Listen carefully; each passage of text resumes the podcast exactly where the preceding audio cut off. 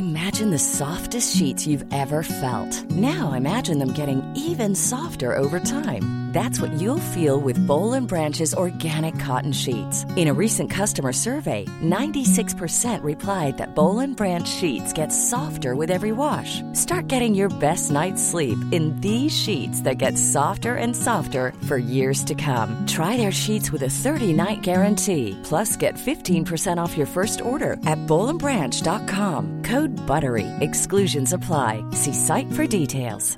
I'm Sandra, and I'm just the professional your small business was looking for. But you didn't hire me because you didn't use LinkedIn jobs. LinkedIn has professionals you can't find anywhere else, including those who aren't actively looking for a new job but might be open to the perfect role, like me. In a given month, over 70% of LinkedIn users don't visit other leading job sites. So if you're not looking on LinkedIn, you'll miss out on great candidates like Sandra. Start hiring professionals like a professional. Post your free job on linkedin.com/achieve slash achieve today. Hold up. What was that? Boring. No flavor. That was as bad as those leftovers you ate all week. Kiki Palmer here, and it's time to say hello to something fresh and guilt-free. Hello Fresh. Jazz up dinner with pecan-crusted chicken or garlic butter shrimp scampi. Now that's music to my mouth. Hello Fresh. Let's get this dinner party started. Discover all the delicious possibilities at hellofresh.com.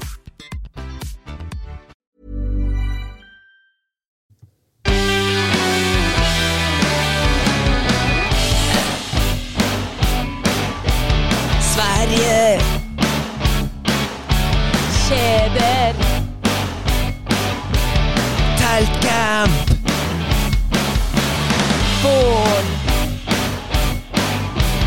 Svensk skinke. Svenskost. Skog.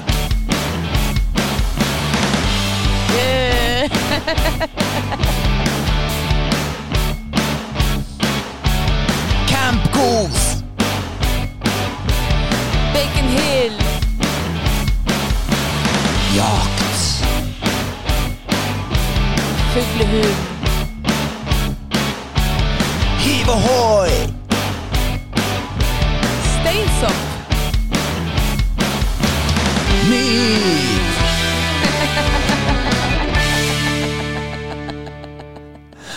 Og med det så ønsker vi hjertelig velkommen til en ny episode av din favorittpodkast. Hall og knall-podden! Direkte fra de svenske skoger, og derfor også en litt annerledes intro på dagens episode enn det du er vant til, kjære lytter. Velkommen inn i det store hotelltet vårt, Kristine. Ja, tusen takk. Det var varmt og deilig og lunt her inne. Åh, jeg kjente jeg ble, jeg ble nesten litt for varm av denne introen. Jeg måtte tenke, gjøre så mye, jeg ble veldig engasjert. Ja, men det var en, altså det, nesten det viktigste med Sverige som jeg glemte. Ja. Eller som vi begge glemte. Det er jo for faen meg svensk pils. Å, Systembolaget! Systembolaget, ja. Det jeg glemte å si i introen. Ja. Det er sånn det er når man tar ting på sparket. Ja. Ja, jeg må bare si at um, nå høres det kanskje ikke sånn ut, men det går bedre med hosten min. ja.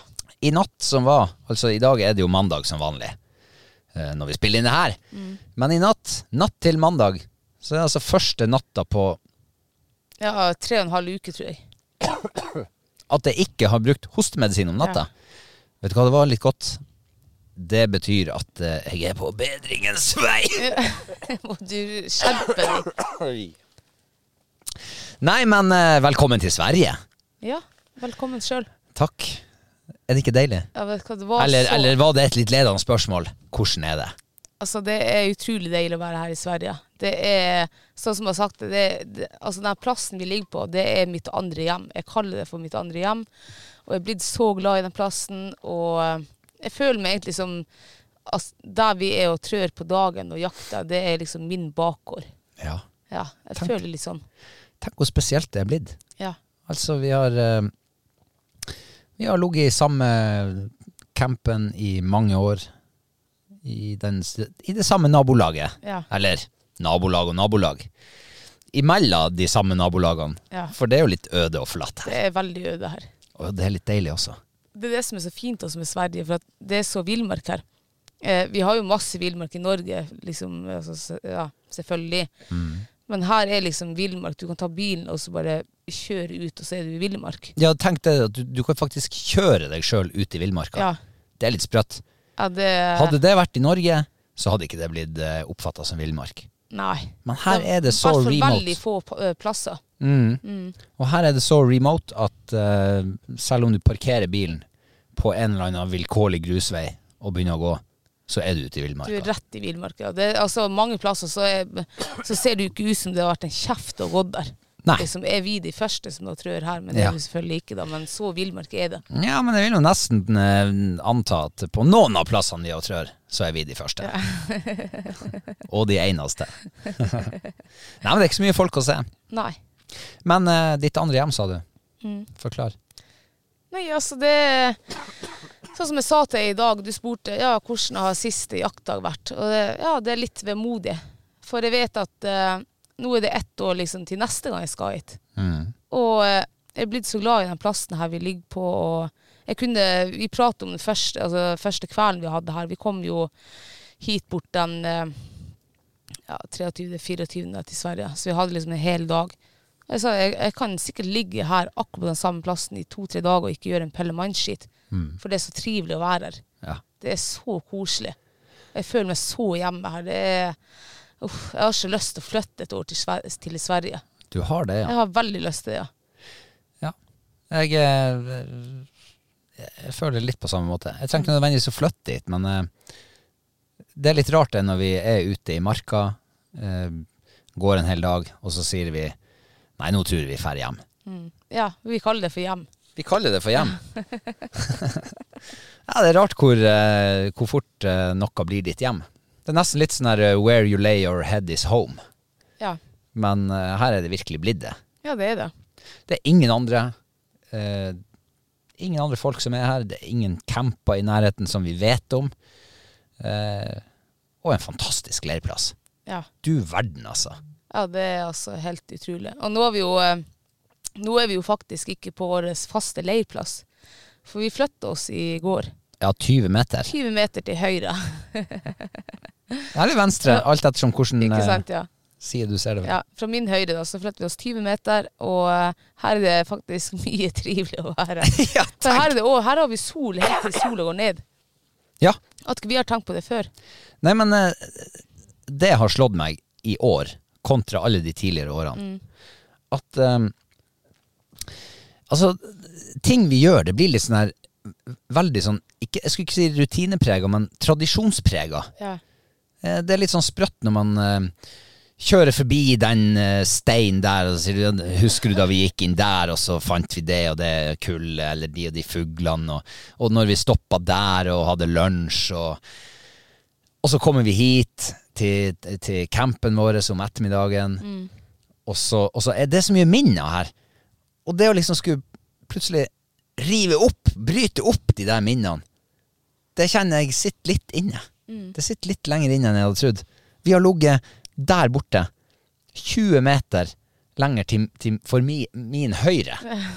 Har vi ligget i fem-seks år. Eller hvor lenge vi nå har vært her, jeg vet ikke, jeg husker ikke. Og så, og så er det liksom det lille vi, vi ser at der borte, 20 meter lenger bort, der er det sol helt til sola går ned. Vi sitter i skyggen her, det blir litt kjølig. Det hadde vært trivelig å sitte i sola. Og så sitter vi her og prater om det. Kanskje til neste år, kanskje vi skal prøve å flytte campen 20 meter til venstre. ja, så glemmer vi det. Så ja?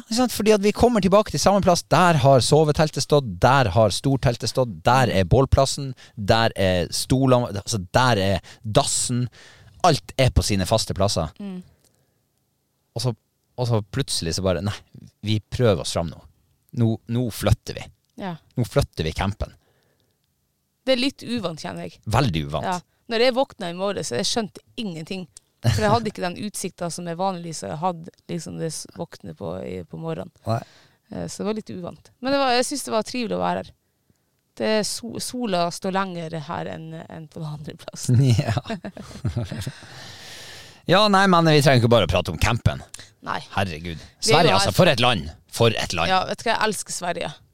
Det er som jeg sa, det er deilig å være norsk i Sverige. Sånn som du sier, deilig å være norsk i Danmark. Men Ja, men det- jeg tror jeg trives bedre i Sverige enn i Danmark.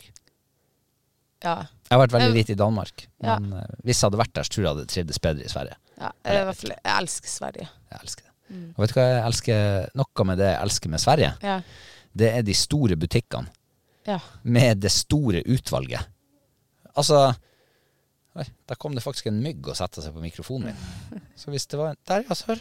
Mygglyd. Sprøtt. Det er faktisk ekte. Ja. Eh, for vi sitter ute. Eh, nei, eh, det å, å komme inn på en svensk butikk eh, Du vet når du kommer i Norge, så kommer du Den eneste plassen jeg bærer fast, det er i smågodtedisken. Eh, hvor jeg eh, Jeg vet ikke hvor jeg skal begynne, liksom. Hva skal jeg velge av de 200 slagene som ligger der i, i skåla? Men når det kommer til Sverige, så får jeg akkurat det samme dilemmaet i ostedisken, i Ja. kjøttpåleggdisken, i ferskvaredisken, i grønnsaksdisken. Altså overalt. Hele butikken. Jeg, jeg vet ikke hva jeg skal ta. Det er så mye utvalg her. Jeg er ikke vant med det. Nei. Jeg er vant til å liksom kunne velge mellom eh, fire-fem skinkepålegg og I beste fall. tre-fire oster. og Ja. ja, Her har du liksom en hel helvetes avdeling med bare ost. Bare skinke, bacon, pølse. Mm. Pølse ja, og kjøtt og Ja, altså, det er så stort. Det er eneste som er i Amerika. Der er alt større enn Norge. Er det det, ja? Ja. Jeg har aldri vært der. Til og med wienerbrødene i Amerika de var altså dobbelt så store enn dem vi har i Norge. Ja, men uh, unnskyld meg, du, ser, du vet hvordan de ser ut i Amerika. De har spist litt for mange store wienerbrød, mange av dem. Så, uh, men uh, nei, wienerbrøddisken her i Sverige er vel ikke like stor som Nei. i Amerika. Men jeg tror det eneste de ikke har mer av enn oss i Norge, det er fisk. Fersk Ja. fisk. Jeg tror ikke de er særlig glad i fisk i Sverige. Det var ikke mye fersk fisk å se, nei. Nei, og brødene deres er noe Ja, brød, vi har bedre ferskvarebrød i Norge. Det har vi. Ja. Ja. Eh, men eh, kan ikke vi eh, bevege oss litt over til selve grunnen til at vi er her? Ja. Det er jo jakta. Ja, det er jo Vi er jo ikke her for skinke og ost og Ja, litt det også. Nei. Du vet, vi snakka jo om det her i sted. Du nevnte det så vidt. Men det er jo jaktpremieren. Eller, ja, vår jaktpremiere det starter jo egentlig i Norge 21. august. Men eh, den der skikkelige actionfylte at Det starter jo egentlig også i Norge 21. august. Men altså Ja, altså jeg, Det her er liksom videre, da, rett før rypejakta, da. Så eh, betyr det veldig å komme til Sverige. Mm. Så jeg ja, det starter egentlig i Norge. Men det, det som er viktig, da, det er at det Altså, jeg vet ikke, jeg blir ordløs, for jeg elsker Sverige. Jeg elsker liksom storfuglpremieren. Storfugljakt med fuglehund. Det er noe av det råeste jeg i hvert fall kan eh, bedrive tida mi med. Det er liksom eh, ja, det er nesten Altså, det er egentlig samme følelse som å, å eh, fiske storøy og storørret. Det er samme greia, Der liksom. plasserte du det veldig Ja. fint. Inn på kartet. Yes. Det er egentlig samme, same feeling. Er du enig, eller? For du har jo gjort begge. Du er jo egentlig en Du var jo den eh, eminente fluefiskeren når jeg møtte deg. Mm. Ja. Føler du at det liksom kan sammenlignes? Ja, på en måte. Eh, det er kanskje enklere for meg å bli superentusiastisk og eh, altså hjertet hoppe ut av kroppen på, på røyejakt, storrøyejakt. Men, men samtidig er det litt eple og pære. Ja. Det er litt to forskjellige ting. Eh, men det jeg syns er Det jeg syns er deilig med denne type jakt, det er at du setter av en uke, eller så lenge som du nå har tid til, til å være her. Eh, du har ikke så veldig mye annet å tenke på enn at du skal stå opp tidlig på morgenen. Du skal spise frokost, du skal drikke kaffe, du skal gå på Bash and Carrion. Eh, og så skal du hoppe i bilen, og så skal du kjøre ut i terrenget. Og så skal du være der til du kjører tilbake gjennom ettermiddagen. ettermiddagen. Det er den der eh, Hele den der liksom Den situasjonen man setter seg sjøl i, hvor du har null og nada annet å tenke på. Du har tatt deg fri fra alt. Det er så vidt at jeg åpner mailboksen min når vi er her. Eh, det, det er nesten så vidt at jeg svarer på telefonen også. Eh, så liksom den der den, Hele den settinga du er i. Det er litt som å være på sydenferie. Du skal være der for å bli brun. Det er den eneste grunnen til at du er i Syden. Skal Du skal ligge på stranda, du skal bli brun, og så skal, og så skal du ha det så varmt og godt, og så skal du drikke masse deilig gresk pils som du kan. Eh, her er det liksom litt av Du, du fråtser i gresk pils, strand og sjø og sol i Syden. Her fråtser du i svensk skog, svensk øl, masse fugl, eh, campliv, god stemning. Altså, det, Du, du det var en veldig merkelig sammenligning. ja, men eh, det, det, det, er ikke, det er ikke sikkert alle er vant med å være i Sverige på denne type jakt, så man må prøve å sette litt sånn i Ja, nei, Alle har vært i Syden en gang. Jeg har aldri vært i Syden, og jeg kunne aldri ha falt meg inn og dratt til Syden heller. Jeg føler at det her er ikke sammenlignbart i det hele tatt. Nei, ikke på den måten, men bare liksom den der set, Det var settingen jeg pratet om. oh, ja. Den liksom måten å være på en plass Ja. på. Eh, Men det er som du sier, altså. Du, du bare slipper alt av eh, liksom de eh, faste ja, faste rutiner og oppgaver og det som er i hverdagen. Mm. hadde du vært her en ferie. måned, så kunne post, postkassa hjemme kunne bare blitt stappfull. Ja, for min del. Du hadde ikke skjenkt en tanke. Nei. Sånn, regningen kunne ha hopa seg opp Ja. hjemme. Du hadde ikke skjenkt en tanke. Nei. Ikke før uh, polisen sto uh, utenfor teltåpninga og skulle ha tak i deg på, på oppdrag fra det norske fra den norske kemneren. Så det er liksom Det er det store for meg å være her. Ja. Det er akkurat den der modusen du blir i. Ja. Den modusen du, du lever i her i en ukes tid. Der kom det mygg igjen. Ja. Så ja, det er fabelaktig. ja, det er Siden du spurte. Ja, gjorde Mm. du det? Ja, du spurte hvordan jeg syns det var. Ja. Jeg som var fluefisker, egentlig. Ja, stemmer det, ja. Mm. ja. Så en veldig lang historie. Jo, men det var veldig bra eh, resonnomert, eller hva det nå heter. Mm. Eh, men den Syden-greia, den eh, følte jeg egentlig ikke var helt Du følte det eh, var litt, litt sidesprang. Ja, det, det gjorde jeg. En- Men nå har jo jeg aldri vært i Syden, så Men uh, det er jo uh, egentlig uh, Ja. Det er jo fantastisk å høre at du sammenligner Sverigetur med sydenturer. Men jeg håper ikke du inviterer meg med til Syden. Nei, nei, det, det trenger jeg ikke. Ja, det er bra. Eller, eller så kan jeg bare si at Ok, når du går på fjellet, du, du er til våres indrefilet Ja. og skal fiske storøye, du skal jakte storøye, Ja. så er du der for én grunn. Ja, for det var der jeg spurte om du kunne liksom føle sammenligninga. Ja, det var det jeg og- mente, liksom. Hele den feelinga. Ja, sånn, ja. Ja, Ja. da, er- da kan jeg sammenligne. Ja. Ja.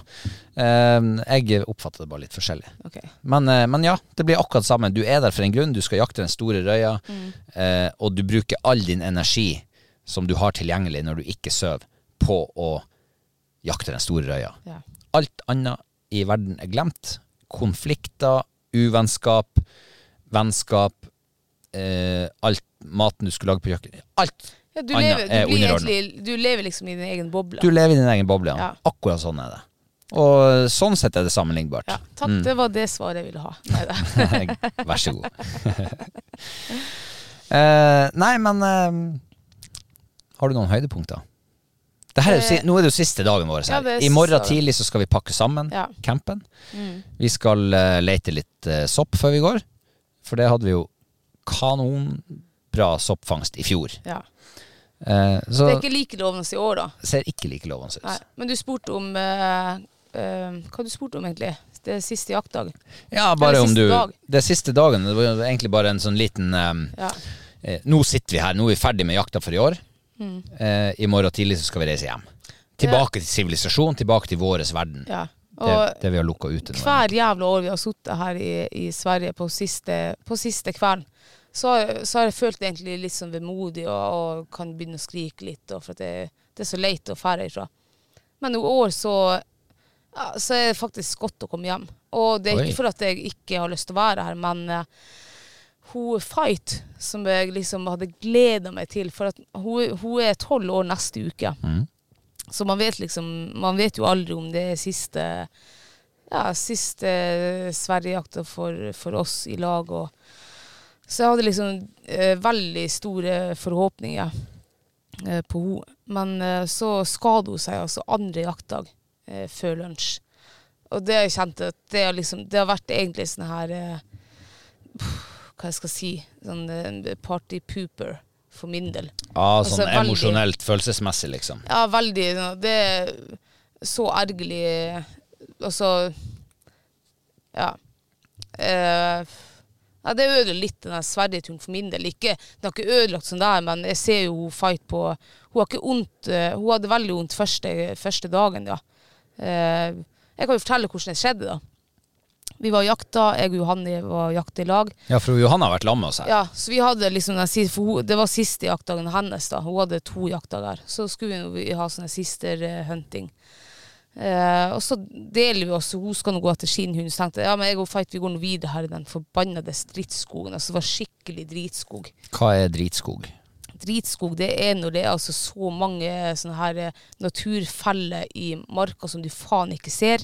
Det er altså så mye bekkehold, det er nedfalt skog, det er gress, det er bregner. Altså det er sånn her bare dritterreng som når deg opp under armene. Du ser egentlig hvor du trør hen. Eh, og hun altså ja, Hun ser i hvert fall ikke hvor den Hun ser i hvert fall ikke hvor den trør han. Eh, så tenkte jeg greit, da går jeg og Fight vi går opp mot veien da, når Johannes skulle, vi skulle krysse. da. Og Fight ute, og jakter fint, og så plutselig så kommer hun liksom Hun krysser meg, men hun ser meg ikke. Det var så tett der. Og plutselig så hyler hun til. Og jeg ser jo, hun er bare 40-50 meter ifra meg. Jeg ser, hva, liksom, jeg ser bare at hun hyler til. Og da tenkte jeg først, faen, er det harelos, eller? For hun, hun hørte, Jeg sto og ropte på henne, men hun hørte meg ikke. Hun bare for rundt sånn her i vimsvams og, og var helt sånn uorientert. Og da tenkte jeg fy faen, her er det bjørn. Så jeg ladda jo hagla. Eh, Med, med, med storfugleskudd? ja, med, med sakserskudd. og jeg tenkte oh, Fight var fortsatt liksom helst, hun bare sprang rundt seg sjøl liksom der. Og eh, jeg, vet, jeg, ble, jeg holdt på å besvime da. Og så kom hun inn til meg da til slutt når hun hadde fått samla seg. Altså det her skjedde jo egentlig bare på 30 sekunder. Kom hun inn, og, og jeg sendte henne ut igjen. Da, liksom, da ville hun ikke gå. Og da tenkte jeg i hvert fall at ja, fy faen, her er det bjørn. Så jeg holdt på, altså, jeg holdt på å besvime. Jeg ble så redd ble jeg. Jeg trodde ikke du var redd for bjørn. Jo, når det er sånn der tydelig. Først hyler hun, og så bare er hun uorientert, og så vil hun ikke gå. Eh, så jeg tar henne inn da til slutt, og, og så går det bare der sjøl med hagl og ladd. Eh, Vi var 600 meter fra bilveien. At her er håpet når opp før eh, jeg besvimer. og jeg kobla hun, liksom, hun gikk bak meg, og så ser jeg, legger hun merke til at hun har en sånn veldig rar gange. At det ikke er halvdirekte, men at hun, hun trør på en helt annerledes måte. Og da tenkte jeg, måtte hun, skade seg sjøl når hun hylte? Jeg så jo, altså, Det var ikke noe brutalt som skjedde. Jeg så bare at hun trødde. Kanskje hun, akkurat som hun datt litt igjen, da. Og så hylte hun til. Og så kom hun på veien, da, og hun trør nå litt sånn der Ikke sånn der eh, Ikke halt, nei. Og så møter hun Johanne, og så drar jeg på en ny plass, og så slipper hun fight. Og da ser hun at hun, hun springer ikke sånn som hun gjorde her for en halv time siden. Det er mer sånn her eh, ja, hinke, hinke-pinky-springing. Så jeg kobla henne etter ti minutter, og jeg tenkte at hun må jo ha strekt eller et eller annet. Um, og så kom vi hjem da. Vi, det var veldig varmt den der dagen, så vi tok, eh, ja, vi tok eh, kveld klokka tolv om, eh, om dagen. Og da var det så varmt at det er nesten uforsvarlig å slippe hundene ut. Og så når hun hadde ligget noen timer liksom og hvilt seg, og da skulle liksom ut og pisse fra teltet, da hylte hun og ønka seg. Ja. Og jeg, gikk, jeg, hørte, jeg satt her i det storteltet og så hører at hun ligger og ynker seg der. Jeg tenkte faen, må hun pisse? Gikk dit, og nei, hun- lå helt stiv. Og, og så prøvde jeg å ta henne, og hylte hun til, og, og så prøvde jeg å rope på deg, men du var jobba med aggregat, og så ser hun Johanne, og så må, kan du komme hit? Og vi prøvde å ta henne og fight, og så sier Johanne nei, vet du hva, jeg tror hun er lam. Og så tenkte jeg herregud, og da spruta tårer, for da trodde jeg også ja, hun er lam. Vet du, Hun rørte ikke på seg, hun bare lå og ynka seg der. Og så ser jeg at liksom, hun rører litt på nakken, og, men hun rører ingenting på, på kroppen. Og så prøver jeg å skulle løfte opp, og da hyler hun til, og Johanne tar henne på hofta eller bak i rumpa der, og hyler til. Og ja, da, vet du hva, da skreik jeg så at jeg, jeg, jeg var sikker på at nå, denne hunden her, hun er helt ødelagt. Og så fikk hun henne opp til slutt, da. Nei, da gikk hun. Da var det liksom Å ja. Nei, da var det ingenting. Da gikk hun rundt der og pissa. Og, altså, det her var, alt det her skjedde på to minutter. ja. Og så hoppa hun i bilen og tenkte fy faen, altså, for en fitte. For at hun, pip! ja, men hun skremte meg så. Altså, du aner ikke hvor hun skremte meg. Jeg, var, jeg ante jo ikke faen ikke hva som feilte den hunden der. Ja, da hoppa hun inn dit, og da tenkte jeg ja, men da er hun bare jævlig bæsete. Og så noen timer etterpå så skulle hun ut av bilen. Da, da, innkoser hun seg også liksom, og, og småpeiper litt. Og Så hun har jo forslått seg på en eller annen måte. Eh, dagen etterpå, på hviledagen vår, så var hun egentlig helt fin igjen. Da var det liksom ikke antydning til noe sånne her eh, ja, større greier. Da ville hun ut på jakt igjen. Ja, da ville hun ut på jakt igjen, og, og kroppen fungerte. Eh, men eh, hun har jo Jeg ser jo at hun har hatt litt eh, Vi har jo brukt henne litt etter de dagene, da. Ikke mye, men, eh, men nok til at jeg ser at hun Et eller annet som plager henne. Men jeg skjønner ikke hvor det er hen, om det sitter høyt i skuldra, eller om det er i Eller om det er i hodet. Ja, hodet nok ikke. Jeg ser at hun ømmer seg. Hun halter ikke, det gjør hun ikke, men det er akkurat som det er et eller annet som, som ikke er bra. Og det har, det har egentlig gjort sånn at denne Sverigeturen min har blitt litt ødelagt. For når, ja. ja, men jeg hadde, altså, jeg hadde sett for meg For hun Fight hun er egentlig Hun er i veldig god form, og hun, hun er ikke tolv år. Er hun, ikke. Altså, hun er tolv år straks, men hun, hun Ja, i alder, ja. I alder, ja, Men i hodet så er ikke hun det. Så Og kanskje ikke i kroppen det. heller. Nei, jeg tror ikke det. Hun er så ung og sprek ennå, liksom. Ja. Ja. Så det, det der var ja, Det der satt faktisk en støkk i meg, altså. Det, ja, det var Men eh, hvordan følte du at du håndterte det? For da, da kommer det jo en usikkerhet, eller en Ja, kanskje både usikkerhet, men også en, en slags eh, tvil snikende. Ja, det gjør jo det. Hvordan skal du Kan du bruke henne mer Ja. i, nå på denne turen, eller ikke? Hvordan skal du håndtere det? Hva tenkte du rundt det? da? Nei, den dagen der når hun var sånn, så tenkte jeg at det var det siste hun gjorde her i Sverige. Mm. Og så kom hviledagen, og så ser du at ja, nei, hun fungerer jo. Det var jo ingenting. Eh, så i går når vi var ute etter hviledagen, så tenkte jeg egentlig ikke noe mer. Jeg tenkte bare at det var ikke så ille som jeg trodde. Og så slipper hun ut, og jeg ser jo at hun springer jo fortsatt på en Hun springer um, litt annerledes enn det hun har gjort. Jeg ser jo at det er et eller annet som ikke stemmer. Hun halter ikke direkte, det gjør hun ikke, men hun springer på en helt annen måte. Um, så hun fikk nå en tre-fire slipp i går. Ikke så veldig lange slipp, egentlig, men ja, det var sikkert veldig dumt av meg å la henne springe, jeg vet ikke. For på kvelden igjen så hadde hun igjen vondt. Ikke i den grad som hun hadde når det skjedde, men, men jeg ser jo at det er et eller annet som plager henne. Eh, og i morges eh, Vi har jo brukt henne en par slipp i dag også. Eh, det er jo kanskje litt sånn her egoistisk. Hva du mener da? Jeg tenker, altså, Ikke egoistisk, for vi har to andre hunder vi kan bruke, og, og vi har en, en Reborn som har funnet masse fugl. Han er jo faen meg den, eh, altså den som kan Han er jo skogens konge denne turen. Så det er ikke det, liksom. Jeg tenker, men jeg tenker mest på Det er litt mer sånn her Sikkert menneskeliggjort, menneskelig gjort, eller hva jeg skal si. Men det er liksom det, jeg tenker at det her er kanskje vår siste der hun Fight var virkelig på topp, eller sånn her siste turen vår i Sverige. Eh, og, ja. og, men når jeg ser at hun vil, hun står og, og bjeffer, hun vil ut i søk, og så slipper hun ut, og så har hun ikke vondt. Hun har jo ikke vondt heller når hun springer, og ikke når hun går i bånd. Det er liksom når hun stivner, da, da virker det som det er ømt. Ja, men det er jo sånn med oss mennesker også. Vi kan eh, få oss en kilevink i kneet, eller en liten lårhøn, eller en legghøn, en liten strekk her og der. Eh, og så merker ikke vi så mye til det når vi er varme i kroppen. Nei.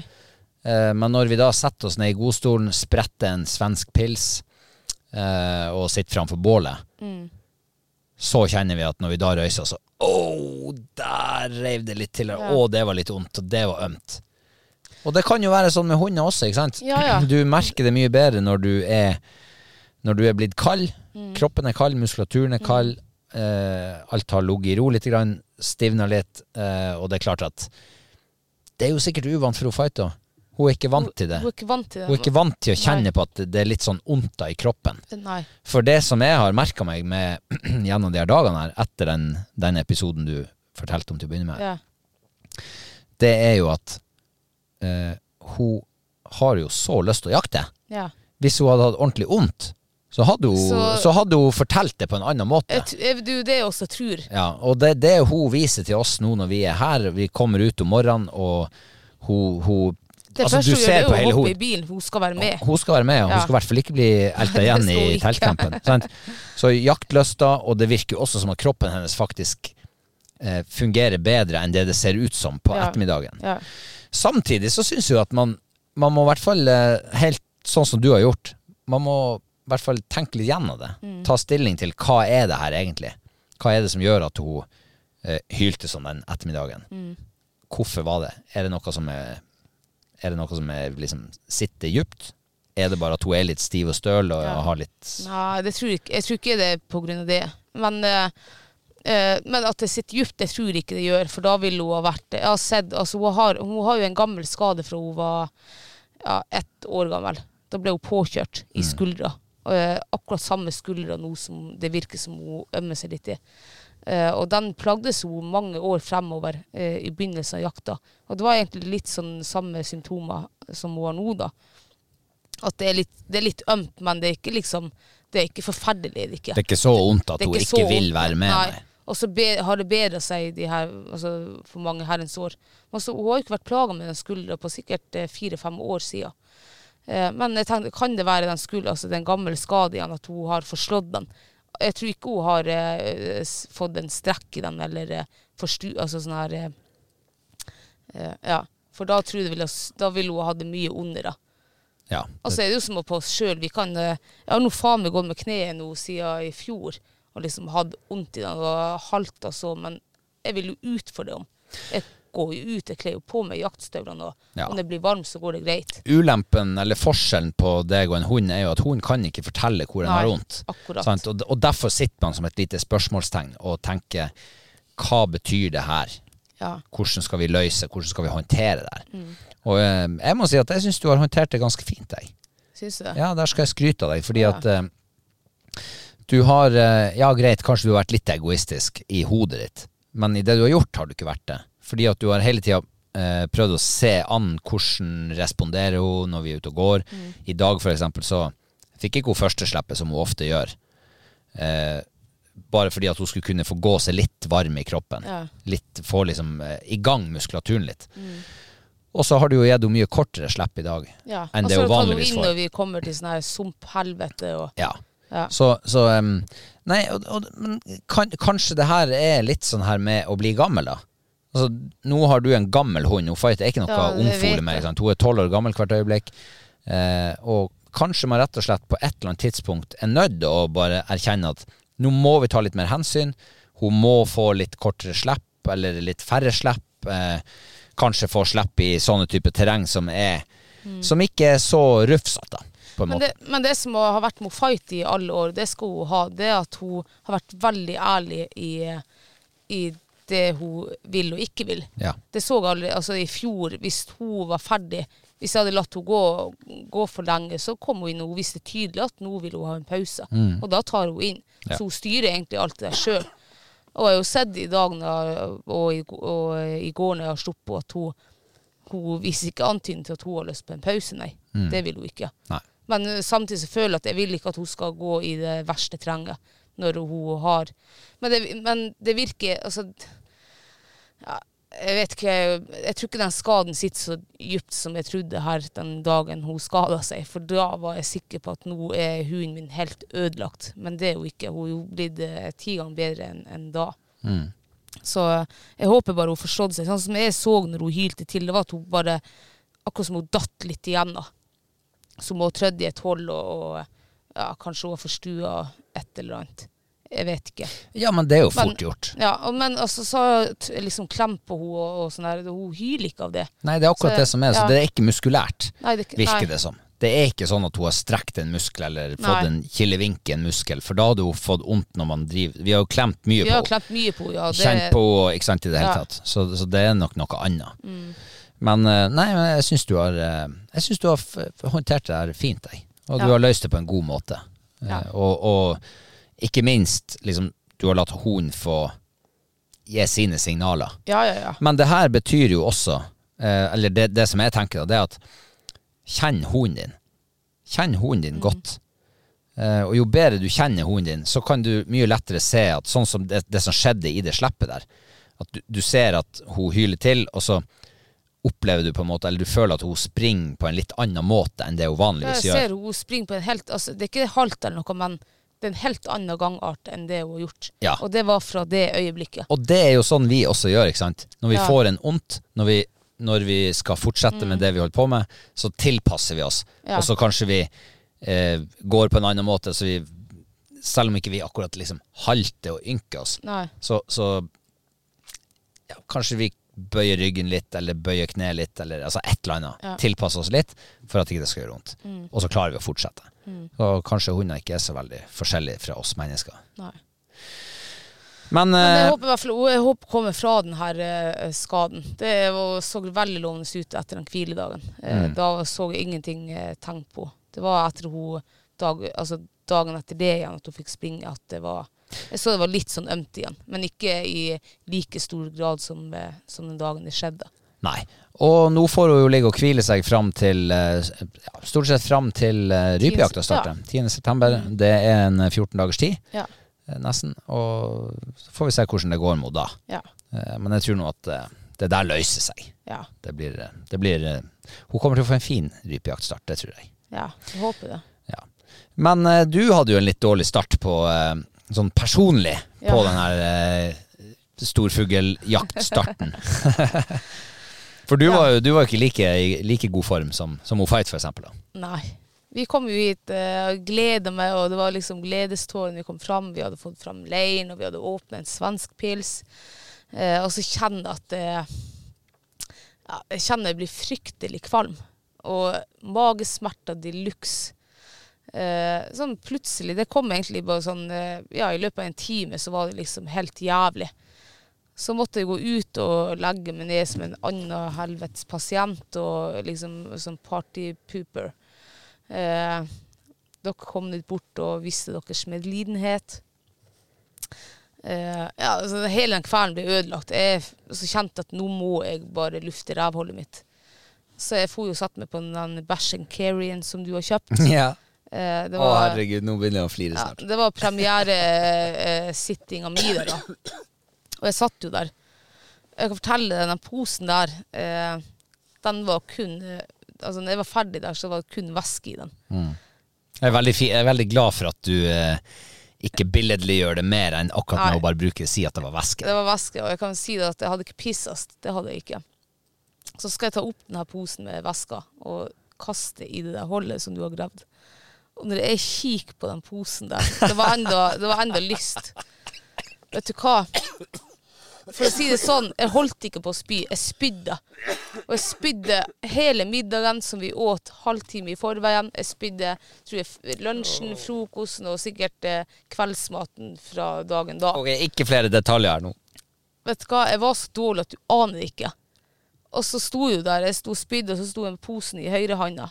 Og hva skal jeg gjøre? Ja, jeg må slippe posen. Så jeg slapp posen i holda, det var ferdig. Tok jeg spaden, og så måtte jeg begynne å ta det spyet bort. og vet du hva? Da spydde faen meg til.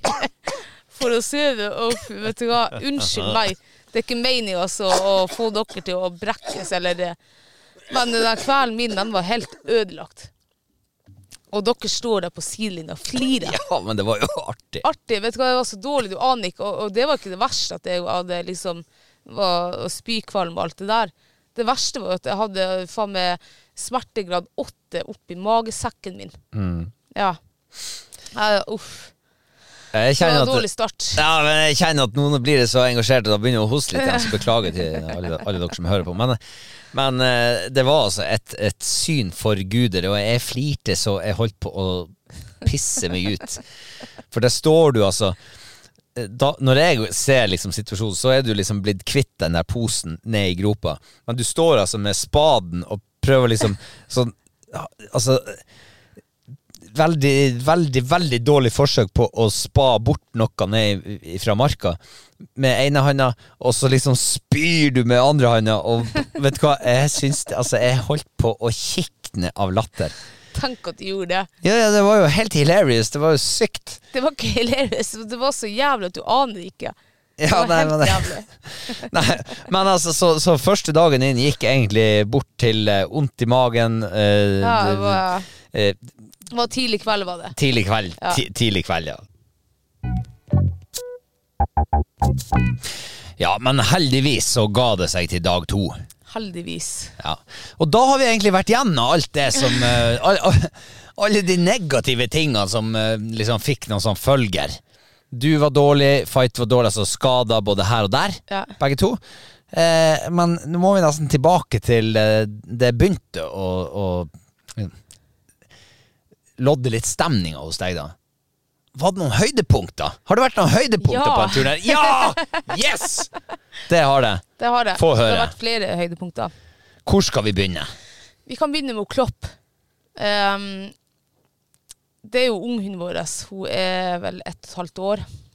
Eh, veldig barnslig, veldig valpete. Ja, du hadde jo ikke trua på henne overhodet. Absolutt skulle- ikke. Nei, Nei. Tenkte at hun var ikke klar for det her Nei, sirkuset men, men jeg tenkte at jo, vet du hva, hun kom altså, For at hun er altså så djerv i, og presis i fuglearbeidet. Ja, det er hun, og det det skal hun ha.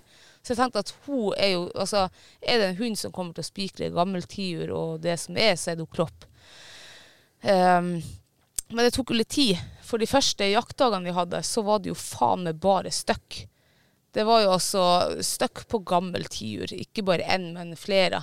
Støkk på storfuglekull, støkk på det ene og støkk på det andre. Og, um, men hun sprang jo liksom hauløs. løs. men sånn er jo unghunder. De er jo altså Hauløs. hauløse, ja. Ja. Men jeg tenkte det her kommer til å gå. Eh, og på andre jaktdagen vår så ja, for du er litt sånn evig optimist, du. Ja, for jeg vet jo hva som bor i henne. Ja. Det må bare liksom, det må bare jobbes med å, å, å ha smøre seg med tålmodighet. Mm. Ja, for Så- det har jeg så mye av. Eh, nei. eh, jo, i mange ting, men ikke når det kommer til hunder, tror jeg. men i hvert fall, eh, du hadde hatt henne med på, på deres andre jaktdag. Jeg gikk med Johanna. På ettermiddagen, når eh, sola begynte å bli lav og, og temperaturen begynte å falle, så sier jeg til deg at vet du hva, jeg tror jeg tar Klopp med meg bare en liten tur i skogen. Kun hun alene. Um, det er jo veldig enkelt når du går med en ung hund og to voksne erfarne, og liksom jeg driter i å bruke ung hund, for det er liksom veldig ofte så blir det bare ræva. Altså, det er mye artigere å gå med en voksen erfaren, for de kan jo det her. Så jeg tenkte jeg går med Klopp alene, tar ingen andre med meg. Eh, Så vi kjørte nå bort og, og, slapp på. Og rett etter bilen, 50 meter, så hiver hun seg i stand. Og jeg tenkte å satan, jeg stressa med å få skudd i børsa. Nei da, så løser hun seg ut etter bare noen få sekunder. Og, og det er også hun Klopp. Hun Klopp hun har aldri hatt sånn her tomstand før som du kommer til. Hun kan, ja, hun kan hive seg i en kort markering, liksom stand. Men når hun finner ut etter eh, to, tre, fire sekunder at her er det ikke fugl, da løser hun ut. Så hun løste ut, og så småmarkerte hun, og så slo hun seg liksom ut i sånn fin sidevind, og der ble hun lav. Markerte Og litt, du så henne. jeg så henne hele tida. Det var veldig åpent da vi gikk. Altså, jeg tenkte jo at vi kommer til å gå en 300-400 meter før vi kommer i et terreng, for her er det bare tørrskog. Så jeg så henne jo hele tida. Og der hiver hun seg i stand. Og jeg tenkte satan, så jeg inn med skudd. Kommer til, og løser hun seg litt ut, og så liksom går hun fram og, og markerer litt. Og så hiver hun seg en nystand. Og jeg går på, og så går hun klopp på. Og da er det ikke med nesen i bakken å markere. Da er det på lukt. Og jeg ser at hun avanserer framover. Og avanserer fram til en ny stand. Og jeg tenker fy faen, altså. Kommer det ut fugl her nå, så er det jo så åpent Ja. og perfekt at det er Uff. Og så går hun litt til, og der hiver hun seg igjen på ny stand. Så det er tredje stand i denne avansen. Det er veldig kort avanse. Og der kommer det ut ei voksen røy. Eh, flyr skrått mot oss. Så jeg skyter av et skudd. Røya flakser mot en buske, og der blir hun flaksende i flere sekunder, samtidig som hun Klopp går på Altså i buska. i buska. Ja. Det var Ja. som hun fikk ikke tak i buska, så hun ble stående der og klappe den. Eh, samtidig som hun Klopp liksom går egentlig i skuddet et par meter rett fram, opp med gammeltiur. Oi! Og jeg ble så forstyrret. Jeg tenkte skal, hva, er, hva er nå skal Nå har jeg en røy som står og flakser der, og så er det en gammel tur som flyr opp der. Eh, vet du hva, jeg gjorde ingenting. Jeg kunne altså Det jeg tenkte der da, det var jo egentlig altså det her, Alt der skjedde på fem-seks sekunder. Jeg hadde en eh, bra, lang, altså, god tid på å gi et eh, oppfølgingsskudd til den røya der. For hun sto og flaksa kjempelenge. Men- I, I treet, ja. i treet, ja. Og, og jeg sto jo og sikta på den. Og jeg skjønner ikke hvorfor jeg ikke skjøt av et sånn avlivningsskudd, for vanligvis så ville jeg ha gjort det. For jeg ser jo at han er skadeskutt. At den, han dauer jo ikke i skuddet, han står der og klamrer seg fast i buska Ho. på, ja, ho, på 20 meter. Ja. Og så detter han den deis i bakken, og da tenkte jeg yes, da slapp jeg liksom eh, å tenke mer på det, da. Og tiuren fløy, jeg skjøt ikke etter den, og Klopp kommer til meg, og så sier hun 'port'. Og jeg ser jo akkurat hvor han detter ned han. Og eh, Klopp springer fram, nei, hun finner ikke noe, hun kommer ikke med, men altså, hun kan jo ikke apportere heller, da. Hun, det har hun mista helt. Så jeg går nå fram dit med henne og prøver å lete. Det var veldig sånn høyt sånn gress der, så det var vanskelig å, å se. Går fram der, nei, jeg ser faen ikke noe fugl. Og plutselig så hiver hun Klopp seg i stand én meter ifra meg og bare kikker rett ned. Og da ligger røya én meter ifra foten min. Det er kødd engang. Hun ligger der og trykker og kikker på meg med øynene sine. Og da tenker jeg Skal jeg ta den sjøl? Jeg kan jo ikke skyte den, for da skyter jo hele fuglen Ja, sund. sto en, og hun sto en meter attmed. Jo, jeg kunne jo tatt børsa bare i hodet på, men altså, det var uaktuelt. Ja. Og så tenkte jeg, skal jeg ta den sjøl, eller skal jeg la hun Klopp få den gleden av å apportere den fuglen, liksom bite i den? Og så tenkte jeg, jeg tar hun Klopp. Hun Klopp er sikkert mye kjappere enn jeg er. Eh, vi sto akkurat like langt ifra fuglen, en meter. Og så sier jeg apport til henne. Hun Klopp hun hiver seg over røya, og røya bare flakser. Og Klopp blir sånn her avvergende, og bare Å, hun har lyst, men hun holder liksom akkurat 10 cm avstand. Ja, lyst, men tør ikke helt, kanskje. Tør ikke helt, nei. Og røya flaks prøver å komme seg av gårde med vingene sine bort gjennom, øh, ja, bort gjennom marka, og hun klopper etter. Og jeg roper jo apport, apport, apport. Istedenfor å rope nei eller sitt, og så kunne jeg skyte den en gang til. da. Så jeg gjør ikke det. Jeg sier apport, for jeg har ikke trua på det. Nei. Det skjedde ingenting. Så når røya var kommet forbi det her krattet her på ja, 10-15 meter, og jeg fikk henne kloppe og sitte, så mister jeg henne. Jeg ser henne ikke, men jeg tenker at da må hun ligge rett her borte, for hun klarte ikke å komme seg opp på vingene. Hun, hun bare flaksa seg bort igjen. da. Og da tenkte jeg, nå, nå blir det da sånn her søk. Jeg gidder ikke å si apporto, for det gjør hun ikke. Jeg kan heller bare sende henne ut i søk, og så tar hun ny stand på den. Og vi gikk, og vi gikk, og vi gikk, og vi gikk. Vet du hva? Jeg var en og en halv time med hunden der. Eh, altså overalt. Og kjekka til den røya. Fant den ikke.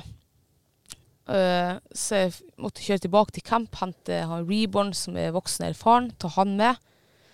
Sendte han ut. Han drar jo ut rett i utkanten av de sporene, altså over 500 meter, der vi hadde snudd. Der stiller han seg i stand. Så jeg husker jeg sendte snap til deg at der, dæven, der har vi røya. Det var ute på ei, ei våt myr, som det liksom ikke skulle ha sittet fugler. Kommer dit, nei, det var jo ikke den. Det var en orrfugl han sto på. Så sender han ut igjen da, og da ser han begynne å markere liksom bort for, eh, liksom enda lenger bort for vårt utspor. Og der markerer han og tenkte nå da, er røya her da. Og da hiver det jo opp en, en brunfugl og flyr rett imot meg, lavt. Jeg tenkte det her må jo være fuglen, så jeg skyter jo etter han. Og den detter. Og så kommer han faen meg inn med en orrhøne. Mm, Ja. Så det var jo ikke den fuglen heller. Nei. Og vet du hva, jeg tror jeg brukte en tre timer apportsøk på den røya der. Jeg fant den ikke. Så eh, uff, Det er altså så ergerlig, for jeg, jeg, altså jeg vet at jeg traff han. Og, og den første halvtimen så tenkte jeg mest på at å, det var synd, eh, for at det her var jo Klopp sin første fuglearbeid på fugl. Eh, var litt sånn her eh, egoistisk på den måten, og, og for å finne den. Men etter det så tenkte jeg bare stakkars fuglen, her må vi finne hvis hun ligger og pines, eller jeg håper jo at hun, at hun døde fort da. Men jeg, jeg, jeg ga meg faen ikke, den her skulle jeg finne altså. Men jeg fant den ikke. Jeg aner ikke hvor den er blitt av den. Nei, det er jo uh, livets mysterium. Ja. Av og til så møter man på sånne ting.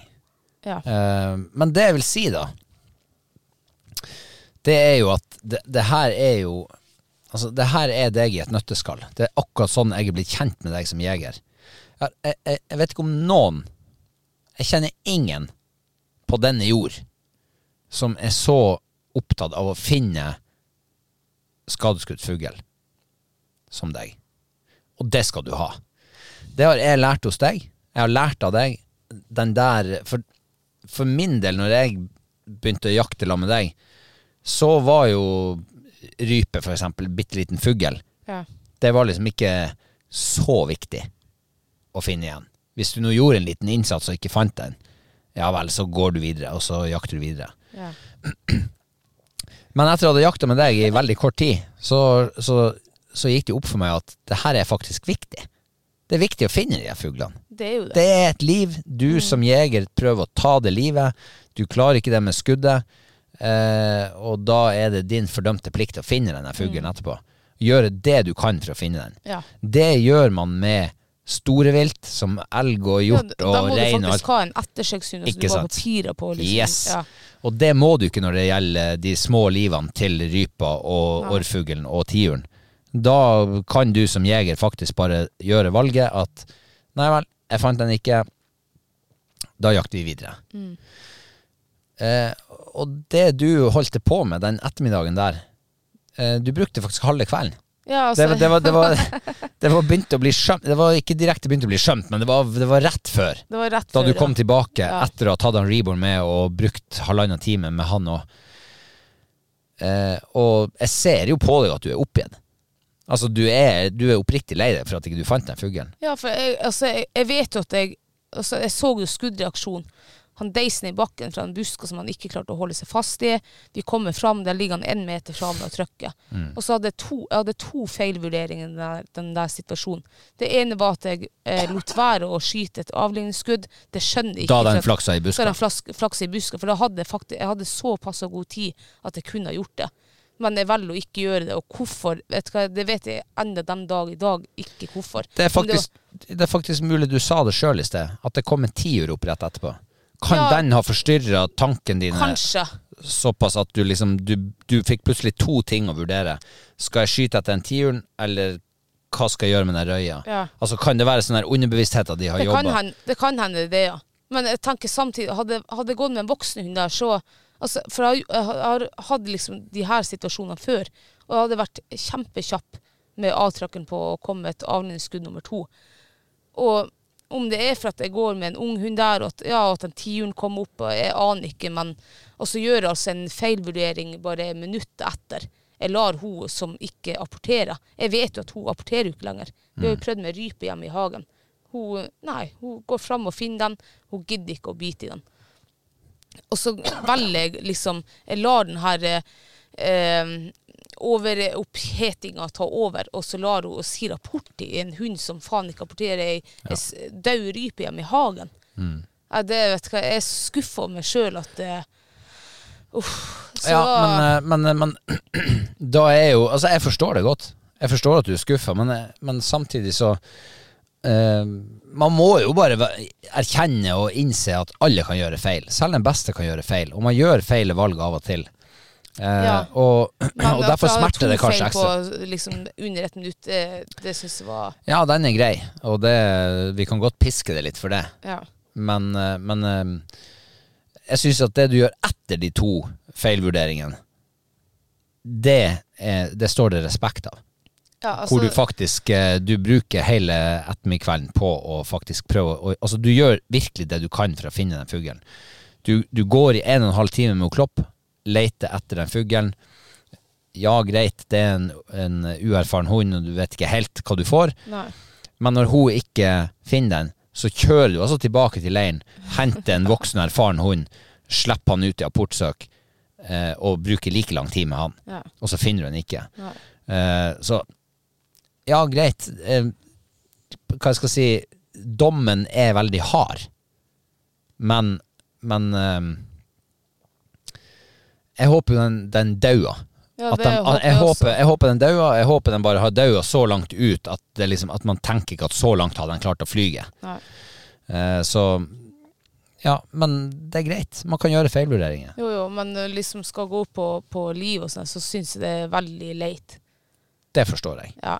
Ja. Så, eh, men jeg håper jeg har lært noe av det, da. Jeg håper jeg ikke gjør den samme feilvurderinga flere ganger. Så- og jeg kan ennå ikke fatte hvorfor jeg gjorde det. Men det den, den første feilvurderinga der er jo å ikke skyte oppfølgingsskuddet. Ja. Sant? Og hadde du gjort det, så hadde den andre feilvurderinga aldri Nei, kommet aldri til livet, ikke sant? Så det her er jo, det her er jo akkurat som the perfect flight crash, Ja. hvor det er en serie av uheldige omstendigheter som gjør at eh, flyet krasjer. Ja. Eh, og det kan ofte være menneskelig svikt, da.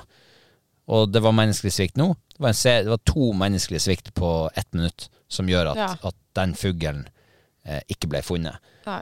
Den Eh. første den er jo helt utrolig at jeg, at jeg ikke skjøt. Men det andre, det, det var altså Da tror jeg jeg var så oppgira og lykkelig og glad, for jeg så jo der ligger røya. Klopp står der i stand på den igjen. Og nå er det liksom bare Nå får vi han. Ikke Så da er det kokte over hos, tror jeg, både hos meg og den hunden. uh, uff, ja. Ja. Men uh, det er jo greit. Lesson learned. Og til deg som hører på, husk oppfølgingsskuddet. Det må Ja. være, det må jo være den viktigste lesson learned. Ikke nøl med Nei, ikke gjør det. Og jeg håper aldri jeg kommer til å gjøre altså, ja. jeg har aldri gjort det liksom før nå, og jeg fatter det ennå ikke den dag i dag hvorfor jeg nølte. Nei. Men om det var pga. den tiuren der og Nei, jeg vet ikke. Men det er i hvert fall jævlig ergerlig, og det er veldig synd, syns jeg, at det skulle gå utover, uh, utover et liv. Eh, men eh, da lar vi det ligge. Da føler jeg at vi er ferdigprata om den. Ja. Eh, men hun Klopp har jo eh, Hun har jo funnet fugl flere ganger.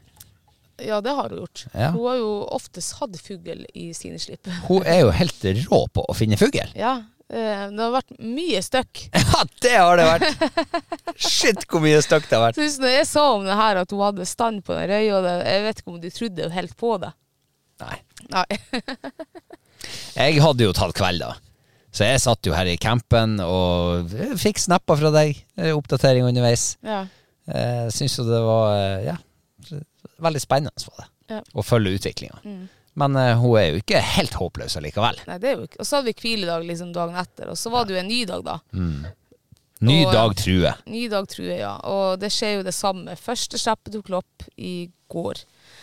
Da var det rett ut. Og det var, altså, det var helt uberørt terreng. Hun gikk 20 meter ut, og der kommer gammeltiuren opp. Og jeg ser bare at det er en brun irsksetter som hiver seg opp etter han. Ja. Altså, det var så vidt at hun uh, fikk tak i stjerten hans.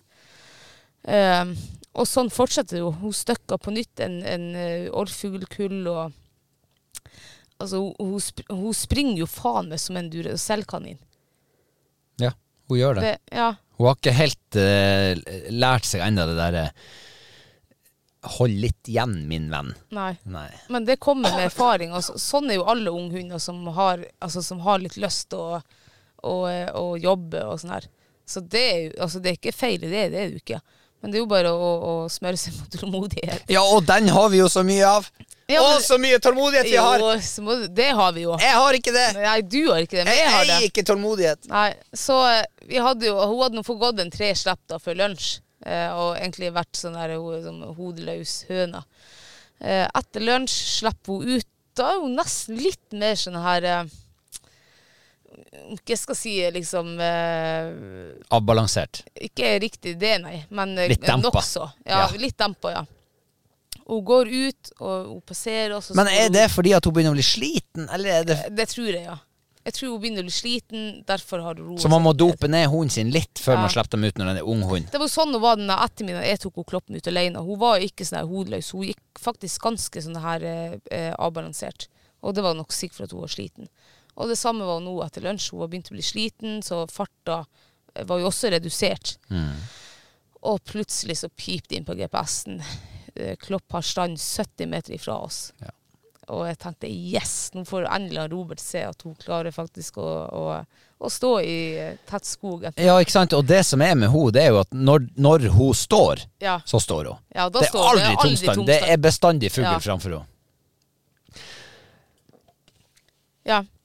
Eh, hun står, og vi, vi kommer fram, og, og så plutselig så er det 30 meter bare til hunden. Og så går du litt til, og så sier du 'der er tiur'. Så jeg, 'hæ, ser du tiur?' Ja, så han står rett foran meg. Gammel tiur. Gammel tiur, ja. Nei, faen, og så spør du hvor hunden er, og Nei, sier hun Klopp, hun sto jo 25 meter der ned til høyre. Ja, denne tiuren han er 15 meter foran meg. Kan jeg skyte? Og det, Nei, den, den, det var så sykt, for jeg har aldri sett tiur sitte på bakken før. Nei. Aldri sett det før. Og så kommer vi ut i den der tette Altså, det var tett skog Det var der. drittett. Var det Drittett en det skog. åpen glenne. En liten, åpen glenne. Akkurat, det er to meter bred glenne fra der jeg står, og til der jeg ser den tiuren sitt. Han sitter og liksom bare strekker litt på halsen. Altså, helt i ro. Helt i ro. Ja. Ikke, han beveger ikke ikke en, ikke, ikke en fjær. Der sitter han. Og jeg tenker bare Skyt. Shoot that fucker. Ja, eh, og jeg, jeg sier jo du må ikke skyte, Robert. Eh, vi ser ikke hunden. Ja, hvor han står Ja, når hun- GPS-en sier hun står litt eh, ned til høyre. Og ja, skal jeg skyte? Og nei, sa jeg. Vent nå litt, Robert. Ja, han sitter jo der, og ja, jeg. Men vi ser jo ikke hunden. Og i, hos meg så er det liksom kokt over. Jeg står Ja. med Ja, hagla i skuldra, med- jeg har eh, tiur, gammeltiuren på kornet, og, og det her er liksom den sjansen for å virkelig vise unghunden at sånn skal det gjøres, Ja. min gode venn. Ja. Eh, så, så jeg prøver jeg, Men jeg tror dere du skjønte det også. Mm. At vi kan ikke Vi ser ikke hund. Det Det har du innprenta fra dag én, Ja. når vi begynte i lag. Aldri skyt, for du vet Aldri skyt når du ikke ser hund. GPS-en GPS-en sa hele tida at hun står sikkert eh, ti meter framfor tiuren ned til høyre. Men jeg På, stoler på, ikke på, på, på trygg avstand. på trygg, veldig trygg Så, avstand. sånn som vi vurderer det der og da. Ja. Veldig trygg avstand, men, eh, og, og hver gang det her, Vi sto sikkert der i fire-fem minutter eh, og liksom sjekka. Og hver gang jeg tok opp GPS-en, så var hun var på samme plass. Ja. Til, langt til høyre for tiuren. Men allikevel så vet jeg at er For samtidig så ser du at hunden din, som står i båndet ditt, du sto to meter foran meg. Den hunden sto 15 meter foran meg. Ja. Sant? Så da er det veldig stor misvis. Mm. Eh, så jeg sa du må for alle ikke skyte. Jeg sa vi kan avstandsreise henne, for hun, kropp hun reiser jo sånn. Da, Ja. Men det vil jeg ikke. Nei, jeg vil ikke avstandsreise der, fordi at den der lille glenda på to meter, hvor tiuren sitter midt i, Mm. den er eh, Avstandsreiser hun fra der vi GPS-en sier at hun står, Mm. så reiser hun oppover. Ja. Fra våres høyre, og da flyr tiuren til venstre, inn i tettskogen, altså ut av den eneste glenda jeg har å skyte på. Står hun en annen plass, til venstre, om Ja. GPS-en skulle være feil. Står den til venstre, så avstandsreiser den mot høyre. Tiuren flyr nedover og ut av den lille glenda. Jeg har to meters glenne å skyte den fuglen på. Det er handlingsrommet mitt. Derfor så er jeg veldig lite interessert i at du skal gå fram, du skal få avstandsrett, du skal ikke gjøre noe som helst. Det eneste vi skal finne ut av, det er hvor er hunden? ja. Det er det eneste som står i hodet på meg. Ingenting annet vil jeg gå med på. Og det sa du jo, da, men da tenkte jeg ok, men da skal vi gjøre det annerledes. da. Så sier Robert vi kan ikke skyte fugl på bakken, Fro. Det Jeg har tror ikke jeg fått med meg. Nei, det, var, det tror jeg var det siste jeg sa til deg. Ja. For du så hvordan det gikk med Reborn når vi begynte å skyte fugl på bakken. fra den. Så det vil jeg ikke gjøre heller. Eh, men så sa du ja, men den eneste sjansen er at du går ned og ser om du ser henne. Så ja, det kan jeg gjøre.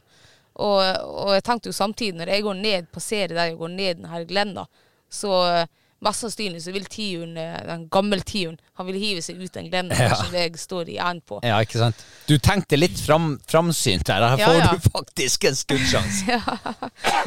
Så jeg går ned dit og sier at jeg ser ingen hund her. Det, ingen, men det var så høyt gress der også. Ja, men det var så rart, det. For det var jo eh, på, på, til høyre for den glenda, altså dit ned du var i Ja, ferd med ja, å gå, der var det åpent. Ja. Der skal du se hunden, og det var åpent hunden. 25 meter framover. Ja, jeg så ikke Så ikke hund. Så jeg sa du, du må ikke skyte, Robert. Jeg ser ikke hunden.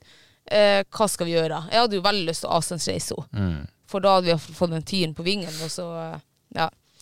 Men plutselig så bare hiver han seg ut på vingene, og jeg ser jo at rødt dekken er rett bak. To meter bak!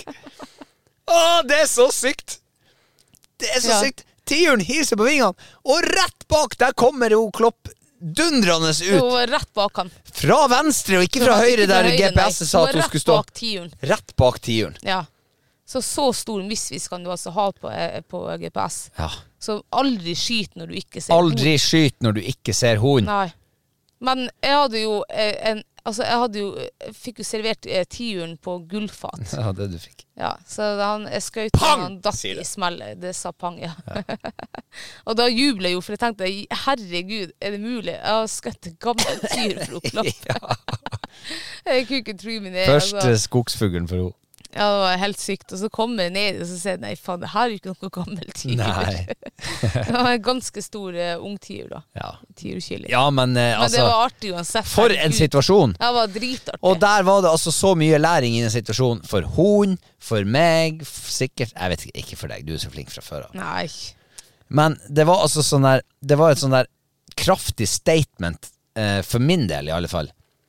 Her var det et kroneksempel på det du har eh, liksom prenta inn i nepa mi gjennom alle årene.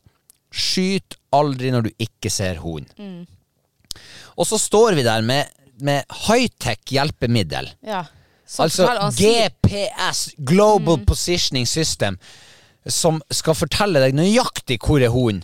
Og når du står og ser på tiuren 15 meter, det var kanskje ikke 15 meter heller, det det var var- kanskje faktisk litt kortere. ja. Rett foran deg, og du ser på GPS-en, og både min og din GPS viser at der nede står hunden, litt til høyre for tiuren og ti meter lenger bak. Og så går tiuren på vingene, og så kommer hunden ut fra venstre, og ikke fra høyre der den skulle eh, Nei. stå. Så kommer den ut. Og så her snakker vi om en misvisning på ja, 10 meter, 15 meter, 20 meter, hva vet jeg. Og helt Altså, annen retning også.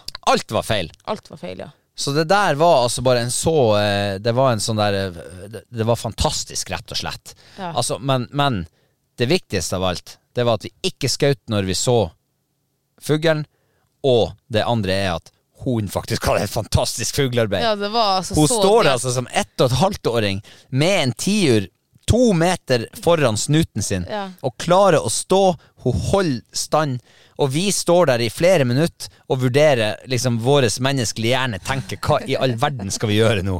Hvordan løser vi denne situasjonen? Hva kan vi gjøre for å A. Eh, få liksom at hun lykkes, hun står der en eller annen plass, eh, vi må få has på den fuglen, hun må få bite i den etterpå, eh, og B. Eh, vi må gjøre det på en trygg måte. Ja.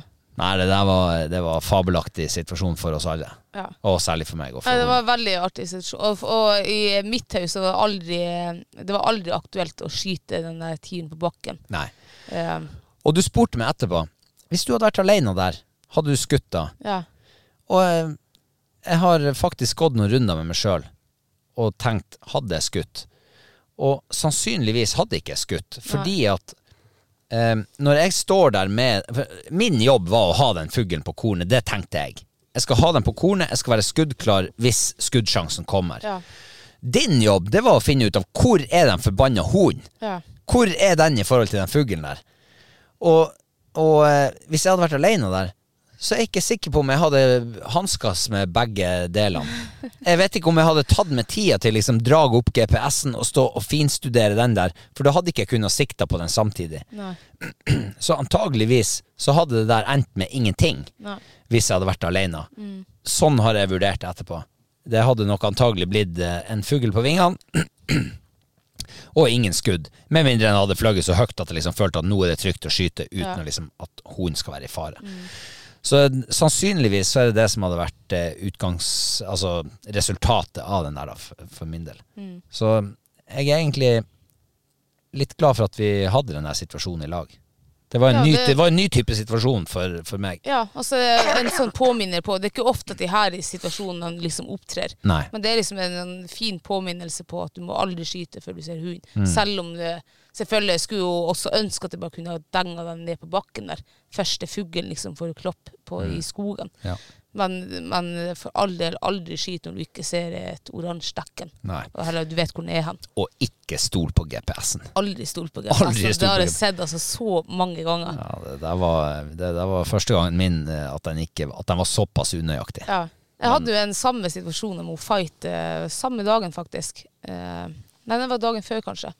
Uansett, da står hun, og jeg kommer inn, og det er tatt helvete skog. Jeg ser hun står 30 meter litt til venstre. Jeg går fram der, og plutselig så ser jeg en, noe som jeg trodde var en orrfugl på bakken, som sto og strakk hals. Og jeg står jo og sikter, og, tenkte at, og så kikker på GPS-en, så tenker jeg nei, Fight, hun står, hun står til venstre for den fuglen. Men allikevel, jeg tør aldri å skyte, for jeg vet at det her er Altså, hun kan like godt stå til høyre. Så jeg sto der sikkert i jeg vet ikke hvor mange minutter jeg sto og maste på Fight. Fight sto kanskje 25 meter ifra meg, men jeg så henne ikke. Og jeg sto og sa ja, ja, ja. Og til slutt så rører hun på seg. Og da ser jeg, ja, da sto hun faktisk til venstre for meg. Og da skyter den. Uh, ja. Men det var liksom, det var den samme greia, da.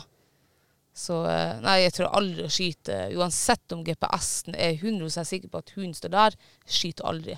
Jeg må vite at hunden faktisk eh, Altså, jeg må se hunden før jeg skyter. Ja, jeg er helt enig. Men da har vi jo fått understreka det ganske greit Ja. eh, i dag. Jeg har eh, for første gang på alle de årene vi har vært her, så har jeg vært og jakta på egen hånd. Det har du, ja. Gratulerer. Tusen takk. Eh, og jeg har eh, Ja, hva jeg skal si? Jeg har vært litt redd bjørn. Litt.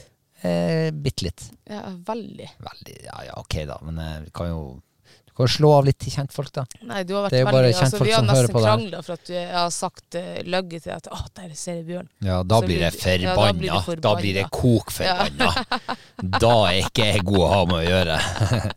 Jeg hater Jeg er livredd for bjørn. Ja. Men, men så er det noe mer der, ikke sant, at når du er eh, Når du er liksom eh, En fare har vært i nærheten av deg eh, en viss tid, altså lenge nok. ja. Det er litt som å ha vondt. Hvis du har vondt lenge nok, så blir du vant til den smerten. ja. Og når du er ute i bjørneterreng lenge nok, så blir du på en måte vant til den faren. Ja, du gjør det på en Og de første årene vi var i Sverige og jakta, så hadde jeg altså alltid med meg to slugs i lomma. De var klar i tilfelle jeg kom til å trenge dem. Ja. At det kom dundrende en bjørn ut ifra krattet eller ut ifra skogen, eh, røyser seg på to bein, og er klar til å kaste seg over deg, spiser deg til frokost. Eller lunsj eller middag, eller hva, hvor han er i døgnrytmen sin. Så jeg er jo ikke så veldig glad i å bli spist av en bjørn, og derfor har jeg gått med slugs i lomma. Ja. Og sånn har det egentlig vært, den følelsen der av å være fritt vilt. Være lunsjen til en eller annen brunis oppe i skogen her. Den har eh, vært eh, veldig framtredende, særlig de par første årene vi var og jakta. Ja. Og så har den har antagelig underbevisstheten min blitt litt sånn ja, vant til den faren der. Eh, sånn at eh, den har vært størst de siste Altså de, kanskje den første dagen, eller de par første dagene når vi har vært og jakta etter det, da. Ehm, men i år Altså, jeg må bare si, for dem som ikke har eh, hørt episoden fra i fjor, så var det jo bjørn i området her. Altså i de terrengene vi jakter. ja. Så var det altså en, eh, Det var en på viltkamera, liksom. ja, det var liksom en kompis borti her som hadde Ja. fått, eh, fått bjørn inn på to bjørn inn på viltkamera. Og det er klart at det er jo vann på mølla til bjørneskrekken min. Så, eh, og i fjor hadde ikke jeg slags med. Så da hadde jeg to Magnum i lomma. I år hadde ikke vi Magnum Nei. heller. Så da, da tenkte jeg at eh, da får det nå bare være. Skal jeg bli spist til lunsj, så, så ja ja, vær så god, da. Jeg skal i hvert fall gjøre mitt for det. Planen min er liksom å klatre opp i et tre så fort jeg klarer, med hagla på ryggen. Og hvis den bjørn kommer, hvis han er dum nok til å klatre etter meg, så, så er liksom planen å skyte nedover. To Å, skudd. Er det planen din? Det er planen. Å ja. Så, så um, Men jeg føler meg jo litt tryggere allikevel. Eh, det blir sånn kronisk fare. Eh, og faren er liksom ikke, den er ikke Jeg opplever den ikke så stor lenger. Nei. Eh, det er kanskje dumt å begynne Men liksom kjenner du at det er liksom ekstra spenning når du går alene? eh, Nei, for jeg har jo aldri gått alene. Nei, men sånn nå når du gikk alene. Ja, for var jeg har det, gått alene. Var det sånn ekstra gang- spenning? Ja, for første gang på de her årene så har jeg gått alene på jakttur. For du og Johanne skulle jo få en sånn søstertur. Ja. Så da um, tilbød jeg meg å gå alene. Sånn at vi liksom kunne bruke alle hundene, og at ikke det ble for mange for altså, ikke sant? Ja. Alle skulle få mest mulig ut av den økta der. Eh, og vet du hva, det var faktisk ikke så verst å gå alene. Nei, Nei. det var faktisk ganske fint. Ja. Jeg hadde ingen som kunne liksom påpeke at eh, nå burde du gå dit, nå burde du gå dit. Jeg måtte stole på meg sjøl. Jeg måtte ta mine egne valg. Jeg måtte stole på hunden, eller hundene. Jeg hadde jo han, eh, han Reborn og Klopp med meg. Eh, Så alt sto og falt på meg sjøl. Jeg kunne gjøre akkurat sånn som jeg ville. Jeg kunne gå akkurat der jeg ville. Eh, Jeg kunne ta en litt større sløyfe der, en litt, gå litt trangere der. Jeg kunne sende hunden i øst og vest. Ja, det var fabelaktig. Og jeg gikk jo virkelig på et kremterreng. Ja, så Oppe i krysset, Ja. der vi har hatt så mye artig før. Ja. Der du, jeg tror det var der du skjøt din første gammeltur i Sverige. Det, ja, det var der jeg skøyt min første gammeltur. Mm. Eh, med oss i lag, da. Ja, med oss i laget. Ja. I Sverige. Ja. Eh, så eh, Nei, vi kjørte opp dit. Og eh, jeg må bare si det at når man er i Sverige og jakter, og du finner dine terreng, så vet du ikke hva som møter deg året etterpå. Altså til neste år. Fordi at i Sverige så driver de med den skogsdrifta, da. Så de kan jo plutselig meie ned eh, tusenvis av kvadratmeter hvor du har gått og hatt det hyggelig jakt før. Så på tur opp til krysset så møter det jo meg eh, altså avsvidde områder. De har altså brent altså Hvorfor de har brent skogen som de allerede har høgd, det vet Det jeg ikke. kold svart, altså. svart var det Ja. Og da ante jeg ante fare. Eh, Anna fare enn bjørn. Ja. Så jeg, jeg kjørte videre, tok av eh, fra hovedveien og inn den skogsveien der jeg skulle opp og jakte, opp i krysset. Halvveis opp til der jeg skal jakte, altså indrefileten, så er det altså snauhøgd på begge sider av veien. Og jeg tenkte, gud bedre, har de vært og rasert opp gjennom her også nå? Ja. Og så kommer jeg opp dit, og så bare Yes! Det er urørt villmark. En kilometer unna der de har uh, snauhøgd. To kilometer, kanskje. Ja. Urørt villmark! Og der står jeg. Jeg, Reborn og Klopp. Og jeg slipper han Reborn ut. Selvfølgelig, han er jo god hunden min. Slipper han ut. Og så går det ikke så lenge, så pip det stand på GPS-en.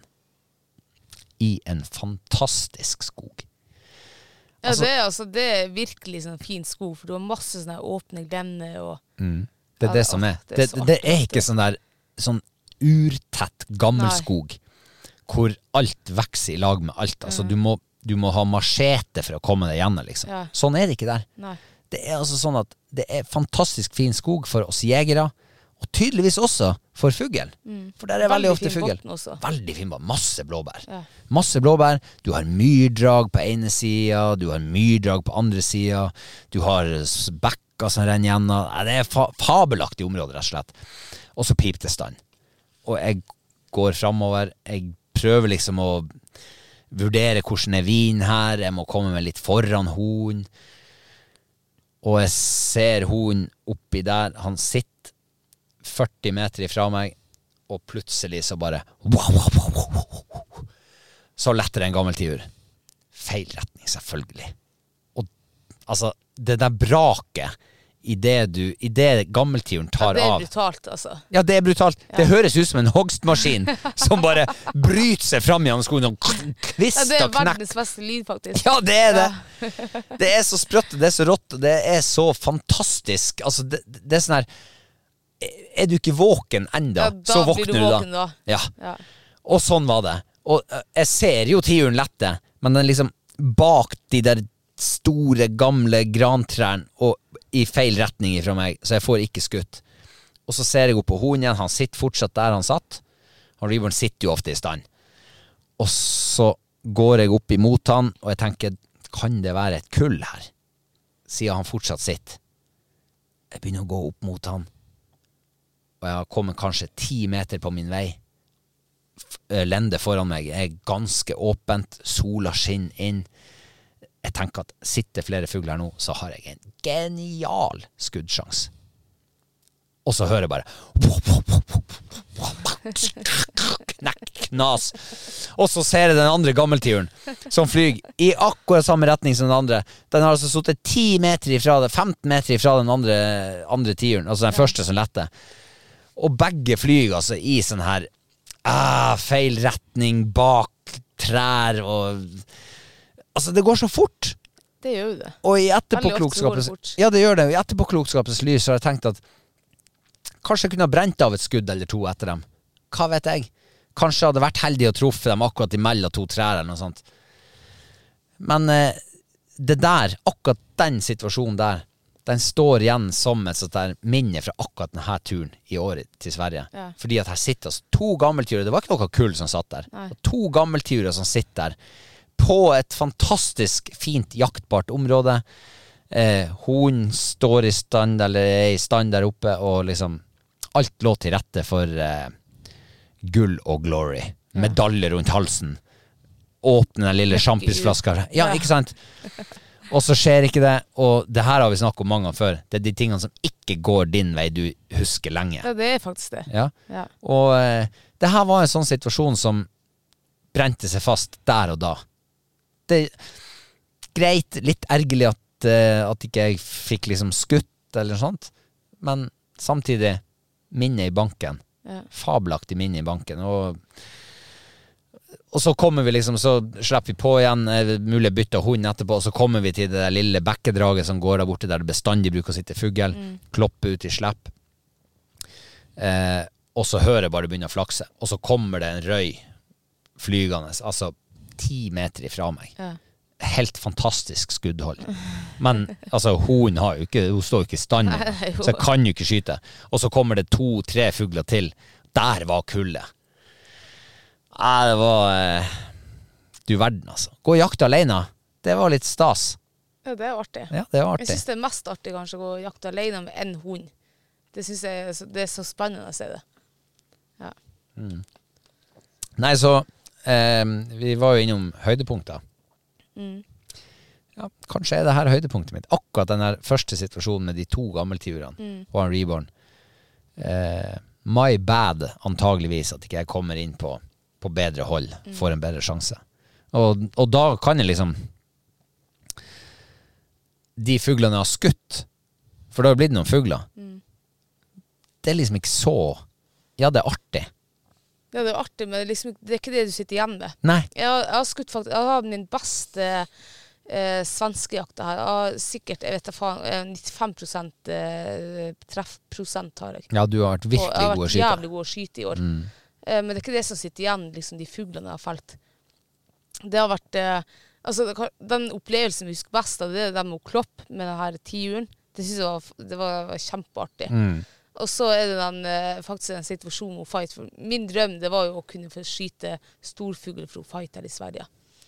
Eh, men det skjedde jo ikke. Eh, enda. Det kan jo hende ta med en liten. Det- Hun visste det- ikke helt Det aner meg at du kommer til å stå opp litt, litt ekstra tidlig i morgen. Men det jeg syns var veldig artig, da, det var at eh, på dag tre da på fighten hun var ja, hun ømma seg litt, eller hun ømma seg ikke sånn, men hun, altså, hun visste jo ikke det, da, for hun var så helvetes egenrådig. Hun var jo så egen, altså hun jakta jo ikke med oss den dagen. Men i hvert fall så fant hun noen fugler på 500 meter ifra oss. Mm. I feil retning. I feil retning, ja. Så jeg tenkte at uh, her skal jeg gå fram og koble. Og det hadde gått halvveis, tenkte jeg nei, faen heller. Her skal jeg gå fram, og jeg skal ladde hagle, og jeg skal skyte hvis det er fugl her. For at hun er Hun er gammel, hun er altså, Jeg vil egentlig bare at hun skal kose seg. Mm. Jeg skal ikke straffe for henne for at hun har gått 500 meter dit bort liksom, og festa stand. Hun gjør jo alt riktig. Um, og så, ja. Nei, så jeg ladda i hagl og gikk fram dit og kom på og holdt på uh, fight og begynte å avansere henne litt nedover. Jeg tenkte fy faen, her er gammel tiur. Kan jeg bare avbryte litt? Ja. Bare for å dra det litt tilbake. For jeg går jo lam med deg her. Mm. Og tenker jo det samme som deg, at fuck, altså. Skal vi virkelig belønne henne for at hun, hun er gått i feil retning og altfor langt ut? ikke sant? Egenrådig og alt det der. Og, og, så, og så går man fram begynner å nærme seg situasjonen. Du kommer inn på en 150-100 meter inn, ned i bakken der i bratta. Ja. og så ladder du i hagla. Og liksom, du, du gjør det klart. Du går deg inn i en sånn der eh, modus i hodet som bare. Nå skal vi inn i den situasjonen her. Altså, når jeg har passert 100 meter unna der hun er, og har liksom tatt ladding Ja, det er klart du er skuddklar. Og da er du inne i en modus som er liksom oppe i situasjonen. Her skal vi gjøre oss Vi skal løse den situasjonen. Eh, og, og da er alt det andre glemt. Ja. Og, og, og det er litt artig å tenke på etterpå. Hvor, hvor du går fram og liksom tenker Fersken, altså. Nei, nå skal jeg bare gå fram og koble henne. Og, og fram til at ah, nå skal vi virkelig løse det. her. Nå skal vi lykkes, alle sammen i lag. Ja, for det tenkte når hun, når vi, For vi mista kommunikasjonen med henne, for hun hadde funnet på andre sida av liksom fjelltoppen. Ja, Bacon Hill. Bacon Hill, ja.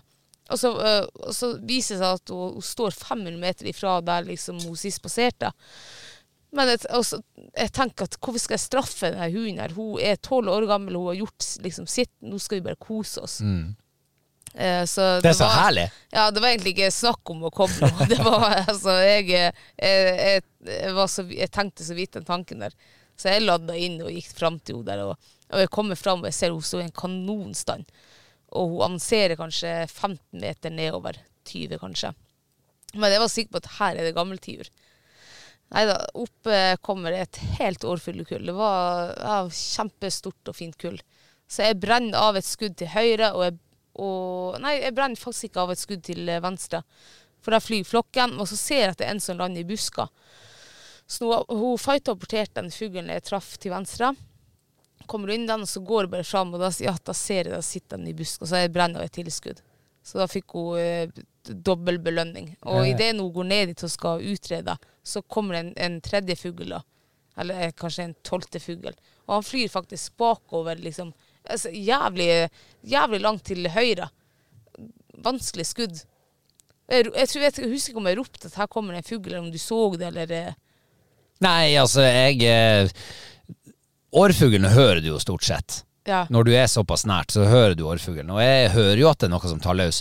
Og så ser jeg jo bare en fugl som kommer oppover i bratta. Mm. ja, Flyr ja, oppover. oppover. Ja. Mot oss, eller skrått mot oss. Ja. Og jeg tenker her må jeg skyte. Og jeg hiver opp, og jeg Altså, den liksom sneier over noe kratt rett på øversida av meg. Og jeg tenker Nja, jeg skyter, og jeg skyter, og jeg ser at fuglen bare plutselig Liksom deiser Det så ut som den deisa i bakken. Ja. Jeg så ingen fjære, så ingen sånn, sånn type, annen type skuddreaksjon. Annet enn at den liksom bare bytta høyde, på en måte, veldig fort. Så ja. Jeg måtte jo få søk apport på den òg. Mm. Og der kommer han Reborn. Slapp han Reborn inn, gjorde ikke det? ja, jeg tror du bed han apportere. Ja, bed han apportere. Mm. Og der kommer han jaggu inn med fuglen. Ja, det var, det var litt rått. Det var en artig situasjon. Ja, det var faktisk artig. Og jeg er så glad for Og jeg så Bro fight. Det, det var, hun hadde sprutrøde øyne og hun var helt tent. Og, Mm. For hun så tror ikke det spiller altså, heller, Jo, det gjør det jo. Hun er, hun er helt tent hvis det er tiur eller hare. Da er hun ko-ko. Det er det beste hun kan, liksom. Eller, eller gås. Uh, men det jeg tror Moll koser seg når vi faller fuglefro. Ja.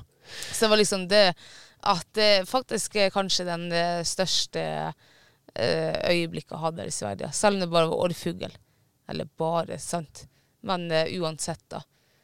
Jeg syns det var flott at jeg kunne felle eh, to fuglefro der. Ja, jeg kom jo på et annet høydepunkt som jeg har fra denne turen. Og det er jo også fra den eh, samme formiddagen der jeg, jeg og han Reborn og Klopp gikk, gikk alene på jakt. Eh, ikke bjørneredd. Men eh, inn i skogen, da, altså i en altså sånn der forbanna dritskog som du snakka om i sted. Altså, det er så tett, og det er så Altså, det er et område hvor det er så mye sånn her det er nesten så det er grove grøfter i terrenget. Ja. Det er masse sånne grøfter som går, eh, og det er knekte furutrær, og det er fandens oldemor å tråkle seg fram gjennom der. Eh, og, og det er så tett mange plasser. Altså, du, altså det er sånn at Skal du gå ti meter framover, så må du jo ofte gå ti meter til sides for å gå rundt Ja. det, altså de her ødelagte trærne. Og så melder det stand på GPS-en. Han Reborn står i stand, og jeg kommer fram. Eh, altså, jeg er 30 meter ifra han. Jeg ser, jeg har ikke sjans å se hunden. Altså, det er så uoversiktlig der. Og liksom i siste liten så Med det i mente at jeg kan ikke skyte før jeg ser hunden. Ja. Så det er liksom det jeg går og tenker på. Hvor er hunden? Jeg må se han, jeg må finne han før jeg kan skyte. Og, og i siste liten så ser jeg hunden. I stand. Og så plutselig så popper det opp en fugl. Og jeg skyter, og jeg ser den dette. Eh, og så går det liksom Jeg vet ikke, ett og et halvt sekund kanskje. Så, altså det popper flere fugler ut. Ja. Men så popper det ut en til som jeg ser. Jeg bare hører de andre. Så popper det ut en til, og jeg skyter. Og det så ut som jeg traff. Eh, og jeg roper apport til han. Og han springer fram, finner fugl nummer én, kommer inn med den, og jeg tenker det så jo ut som jeg traff den andre fuglen òg. Jeg er nødt til å få han ut i apportsøk. Og jeg sender han ut, og han leter og han leter og han leter. Kommer inn flere ganger. Det er varmt. Altså, det er over 20 grader. Det er to, 1, 2, 23 grader. Sola steiker. Jeg ser jo at hunden er sliten, og det er liksom tunga henger ut. Så jeg er nødt til å få han ut. For jeg, noe i meg sa at jeg traff den andre fuglen nå. Og jeg jaga han framover liksom, i den retninga der jeg skjøt. Der den var når jeg skjøt. Og han holder sikkert på i, altså, i flere minutter. Og jeg ser jo at ofte så er det nesten som han vil liksom inn til meg og si Må vi det her? Må jeg det her? Og jeg jager han ut liksom igjen, sender han ut flere ganger, og plutselig så fær han ned under en sånn her knekt furu-skit.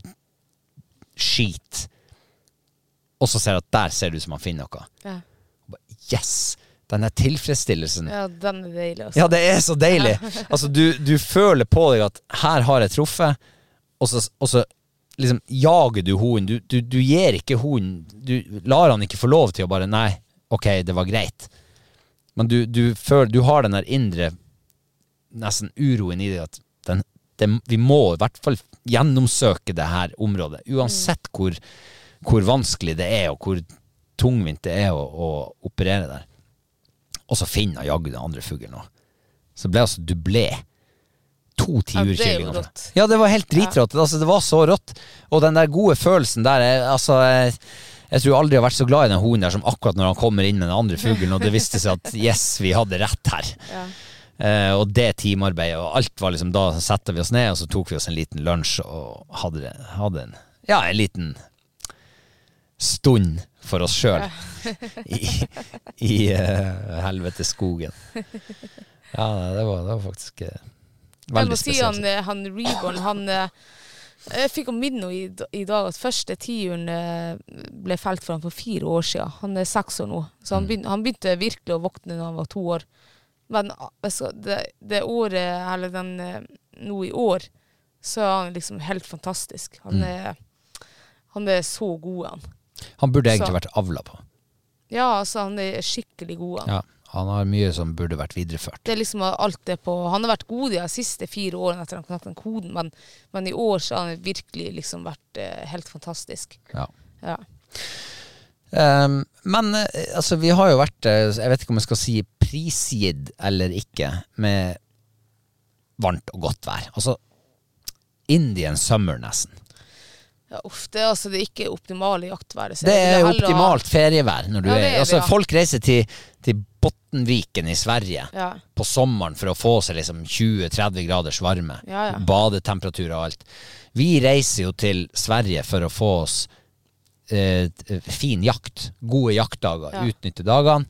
Og så møter man på eh, altså 20-23-24 grader varme. Altså Det meste jeg så på byen, det var 25 varmegrader. Og så var det steiksol og Mm. Ja. nesten ikke vind, vinddrag. Og så sitter man og tenker på at ok, når vi er hjemme, så får vi ikke å sykle en tur med hundene hvis det er en 18-19-20 grader Nei. og sol. Og så, og så får vi hit og jakter med dem Mm. i samme været. Ja, det er litt eh, Er det dobbeltmoralsk? Nei, men sånn som vi har gjort, vi har jakta fra halv åtte om morgenen til halv tolv om ettermiddagen. Når gradestokken da viser over 20 Ettermiddag og ettermiddag, gitt. Eller formiddag. ja. Når gradestokken viser over 20 etter lunsj, så har jo vi altså vi har funnet hjem og tatt kveld. Så vi har ikke jakta med dem. Mm. Eh, og, det, og det tror jeg egentlig er eh, helt greit, altså. Det er tungt å jobbe i eh, over 20 varmegrader og steiksol. Man kunne jo ha vært eh, Altså vært skikkelig egoistisk og bare utnytta dagene maks. Peisa hundene. Eh, men vi, vi falt heldigvis ikke for fristelsen i år. vi visste vi skulle være her noen dager ekstra, og ja, så kan du tenke deg sjøl, hadde du giddet å, å, å sprunge eh, maraton i 25 varmegrader? Nei, ikke vet jeg. Jeg hadde ikke giddet. Jeg hadde nok ikke giddet det, men det, det, det, det krever mye. Det er krevende. Altså når vi går i skogen Vi går i skogen. Ja, og vi har det helt jævlig, liksom. Svette. Ja. Svetten renner. Mm. Du føler at du får liksom ikke nok væske i kroppen. Så jeg tenker at eh, hundene har det fem ganger så tungt som oss. Ja. Så, ja, eh, det tror jeg også. men heldigvis så har man jo flere hunder. Vi er jo heldige å ha flere hunder, sant? så man kan bytte på dem. Man kan, eh, man kan la ja, gi dem litt kortere slipp om så, bytte litt oftere, la dem få de korte pausene, finne sånne små vannhold man kan drikke av. Og, og eh, jeg, tror det, jeg, tror det er viktig å ha et eh, øye til temperaturen og Ja, det er absolutt. Um, vi har fått et, eh, et bitte lite spørsmål. Ja. Og det tenker jeg at det kan jo være Nå har jeg glemt å skrive opp hvem det var fra, men eh, du som sendte, det, du vet hvem du er.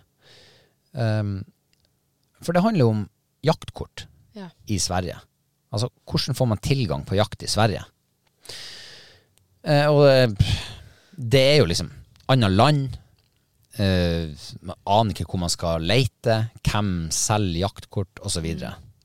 Hvordan skal man begynne det? Nei, Vi har jo eh, Altså, når vi skulle i Sverige, så, så begynte vi å google, og vi fant ut at nature it er liksom tingen. That's the shit. That's the shit, ja. Ja, for at Sverige virker jo å være Nå er ikke vi noen eksperter, så det er ikke sikkert vi kan komme med sånn ekspertråd. Nei. Men vi kan jo komme med våre erfaringer. Og, eh, og det, det virker jo å være litt sånn fragmentert. Altså veldig sånn oppstykka hvor, hvor og hvem som selger jaktkort. Ja. For du har jo noe som heter odlingsgrensen. Ja. Og der, altså skal du jakte ovenfor, ovenfor odlingsgrensen, så kan du ikke begynne å jakte 25. september. Nei. For det er det jeg har fått, jeg har fått flere meldinger nå når vi var på tur til Sverige denne, denne sesongen, eh, hvordan vi får tak i jaktkort. Mm. For dem, eh, jeg tror det er mange som tror at eh, det ikke er lov å jakte i Sverige Ja. før langt ut i september. Mm. Men sånn er det ikke. Nei, det det er er eh, overfor odlingsgrensen at du ikke har lov. Ja, og odlingsgrensen er jo, altså, hvordan skal man forklare det ganske kort? Jeg vet ikke om den odlingsgrensen finnes i Sør-Sverige engang. Men i alle fall så er det liksom, hva man skal si, det er jo ikke skogsgrense heller, men hvis man skal si det enkelt, så er det liksom overfor skogsgrensa. Ja, jeg, jeg tror det er ment som at du har ikke lov å jakte rype som nordmenn den 25. august, så lenge du ikke eier et eller annet her i Sverige. Ja, hvis du er i hytte, eksempel, Ja. så har du greit. muligens lov allikevel. Men for alle som ikke har hytte, så er det jo natureit.se. Ja. Det er nesten, jeg opplever det som litt sånn der eh, Sveriges svar på inatur.no. Ja. Ja. Og der tror jeg du kan finne mye bra. Eh, for, og, og, så er det visst, bare for å komplisere det litt mer, så er det eh, mange sånne her reinbeitedistrikt som nå har Om de er ovenfor eller nedenfor Denne den her odlingsgrensen, det vet jeg ikke.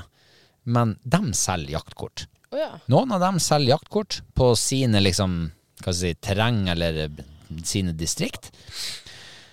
Eh, og så Altså, jeg vil huske fra første gangen vi var i Sverige og jakta, så var det Altså, vi kjøpte jaktkort hos en sånn her Altså, om det var sånn jeger og fisk eh, Det var ei lita altså, nærbygd butikk i ei lita bygd. Ja. Ja. Det var, det var sånn man kjøpte fiskekort i gamle dager. Du gikk inn på Narvesen liksom, i, i- i bygda der du skulle Ja. fiske, og så kjøpte du fiskekort. Og det var litt sånn her også. Altså, vi gikk inn på, på, på sportsbutikken. Det er et godt tips, faktisk. Ja. Gå inn på den lokale sportsbutikken, og så spør du hvor kjøper man jaktkort. Hvem selger jaktkort her? Og så kan de si jo, det er den der eh, jeger- og fiskforeninga der nede. I Fær på det og det huset. Og så får du Så, så, så selger de på ett område. Um, ja. Og så har du jo de her eh, skoggjenger. ja, Sveaskog. Svea, jeg tror det er vel Sveaskog, ja. Jeg tror det er det. De selger også jaktkort. Ja. På- Det, altså, altså det beste tipset det er å google. Gå på Nature It eller google det, og du finner alltid ut hvor de selger jaktkort hen. Ja, og så er det jo sånn at eh, når du har funnet ut at eh, her selges det jaktkort, her er det mulig å jakte, så begynner man jo å lure på ok, enn de områdene utafor her jaktkortet, hvem som selger jaktkort der? Og det er et stort mysterium. Ja, Det- har vi ennå ikke funnet ut av. Nei, det har vi ikke. Og så må du betale eh, svensk jegerlisens.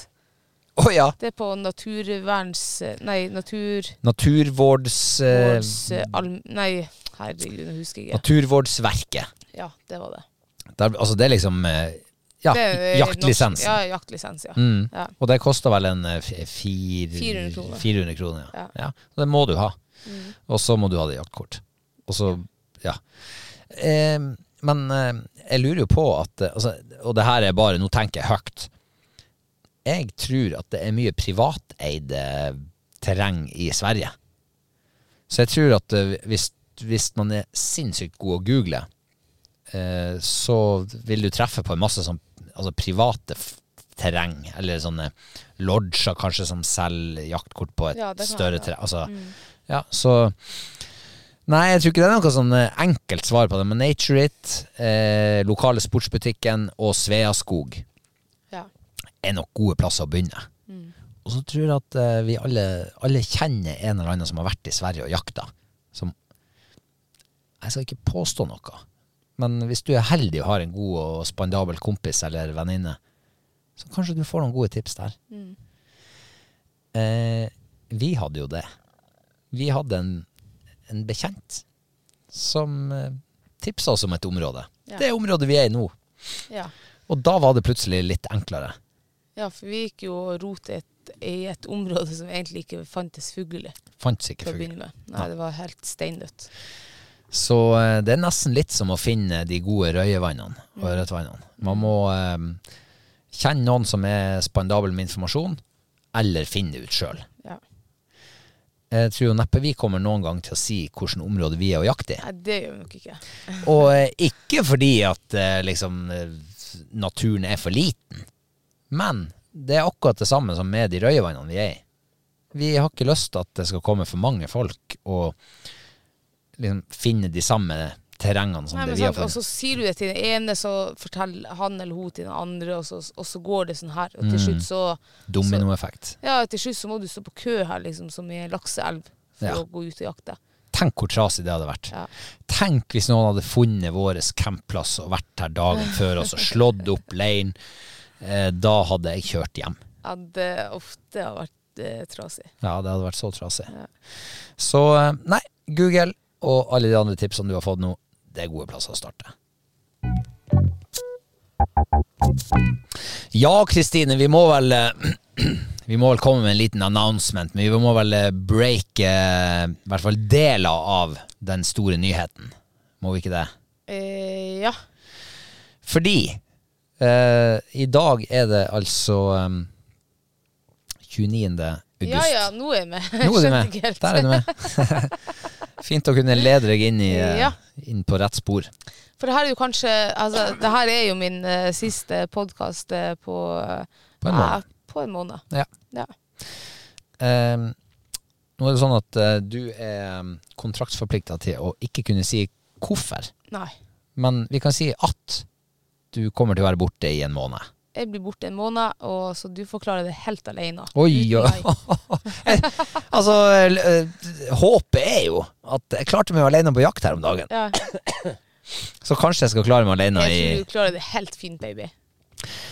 Det aner meg at det kan bli en ganske korte podkastepisoder. hvis ikke jeg får litt hjelp. Nei, Og det har jeg tenkt å få. ja. Jeg har tenkt å få hjelp fra gode venner. Og jeg har gjort en litt sånn løselig avtale med, med min mentor, eh, han Daniel, Ja. om at eh, han skal kunne steppe inn for deg. ja. Eller i hvert fall prøve. Ja, jeg håper ikke han liksom tar den rollen helt. Jeg håper han er liksom eh, Altså, mitt verste scenario da når jeg kommer hjem, så er liksom de, som, de få som hører på oss, da, de bare åh, vil høre han Daniel og ikke meg. Ja. Dæven steike, altså. Da skal jeg boikotte Daniel. Ja, jeg vet ikke hva, hva det skal være lov å håpe på, men jeg håper jo at eh, Jeg håper jo at du eh, kan få en fin eh, tilbakekomst når den tid kommer. men eh, det blir veldig spesielt. Ja. Det tror jeg blir veldig rart å skulle lage podkast uten deg. For det er liksom det vi har puska med i det, det er snart to år sia. Ja. Men det Så- er ikke bare det. Du skal jo du skal være alene hjemme. ja, og gjøre de dagligdagse tingene Ja. i en måned. Det skal jeg gjøre. Og um, jeg har tenkt litt på hvordan det kommer til å bli, egentlig. Mm. n- nå har jo vi, ja, jeg vet ikke, fra vi ble i lag for eh, mange år siden, så har vi vel kanskje vært borte fra hverandre på det lengste i, ja, begynner å nærme seg en uke kanskje, i strekk. Ja. Det var kanskje Farmen jeg var inne på der. Da var jeg vel borte Farmen, i ja. 19 dager. Ja, Nesten Farmen. tre uker. Det var helt jævlig. Ja, Ja. det, mm, det var vel kanskje verst for deg. Nei, det tror jeg ikke. Nei, det Jeg tror det var verst. Jeg fikk jo gjort mye. Jeg fikk bygd hundegård Ja, og fikk eh, Jo da, så Jeg tror nok jeg skal berges, Kristine. Jeg tror ikke du skal Ja, være redd bra. for det. Jeg tror ikke du skal Det er bra. Det skal ikke være en bekymring for deg. um, uh, og så um, Ja, så får vi nå håpe at du kommer tilbake til en, eh, en levende podkast. Ja, Det får vi håpe. det får jeg håpe. Uh, og at ikke han Daniel er for flink. Ja, men altså, han er jo Han er sparka uansett til å Ja, det er han. Vi må Ja, ja. sparke han. Vi må si han opp når du må kommer si han tilbake. opp. Han har en måned fast jobb. Er sånn engasjement. Ja. Men eh, jeg har vurdert, jeg har ikke helt tatt stilling til enda og bestemt meg for om jeg skal Kanskje jeg skal lage en sånn der en, eh, en eh, liten eh, TV-serie fra eh, hvordan det er å være alene. Ja. Hadde ikke det vært artig for deg å se på når du kommer tilbake? Det hadde vært veldig artig. Mm. Og det som er spesielt, er at når eh, dere er alene, så hun Fight hun fyller jo 12 år, du fyller 42.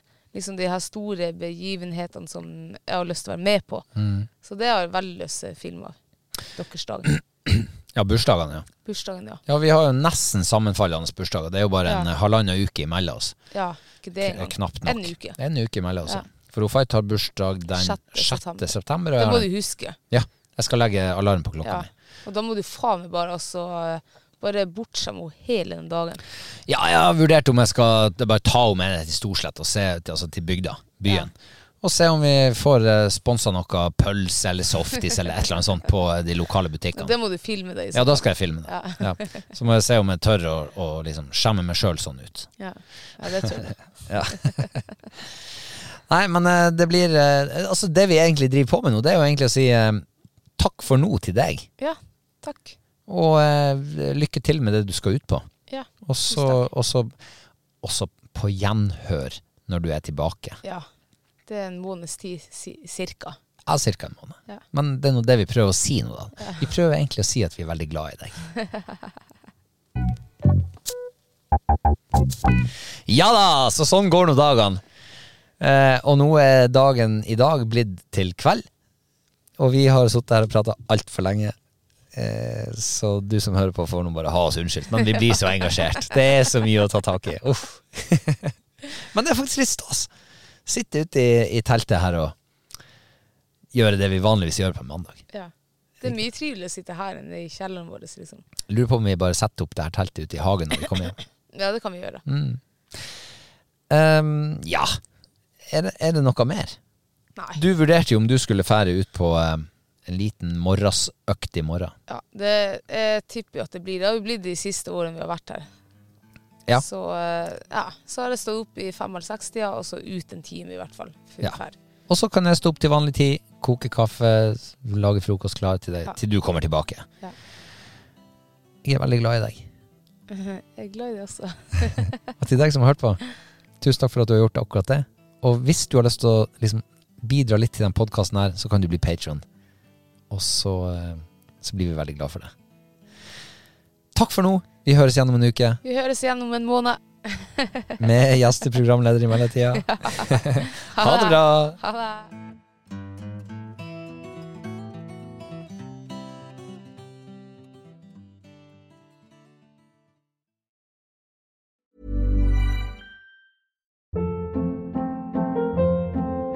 Hold up. What was that? Boring. No flavor. That was as bad as those leftovers you ate all week. Kiki Palmer here, and it's time to say hello to something fresh and guilt-free. Hello Fresh. Jazz up dinner with pecan-crusted chicken or garlic butter shrimp scampi. Now that's music to my mouth. Hello Fresh. Let's get this dinner party started. Discover all the delicious possibilities at hellofresh.com. Planning for your next trip? Elevate your travel style with Quince. Quince has all the jet setting essentials you'll want for your next getaway, like European linen, premium luggage options, buttery soft Italian leather bags, and so much more. And is all priced at 50 to 80% less than similar brands. Plus, Quince only works with factories that use safe and ethical manufacturing practices. Pack your bags with high-quality essentials you'll be wearing for vacations to come with Quince. Go to quince.com slash pack for free shipping and 365-day returns. When you make decisions for your company, you look for the no-brainers. And if you have a lot of mailing to do, stamps.com is the ultimate no-brainer. It streamlines your processes to make your business more efficient, which makes you less busy. Mail checks, invoices, legal documents, and everything you need to keep your business running with stamps.com. Seamlessly connect with every major marketplace and shopping cart. Schedule package pickups and see your cheapest and fastest shipping options from different carriers with rates up to 89% off USPS and UPS rates. And with the stamps.com mobile app, you can take care of mailing and shipping wherever you are. Make the same no-brainer decision as over 1 million other businesses with Stamps.com. Sign up with Code PROGRAM for a four-week trial, plus free postage and a free digital scale. No long-term commitments or contracts. That's Stamps.com. Code PROGRAM.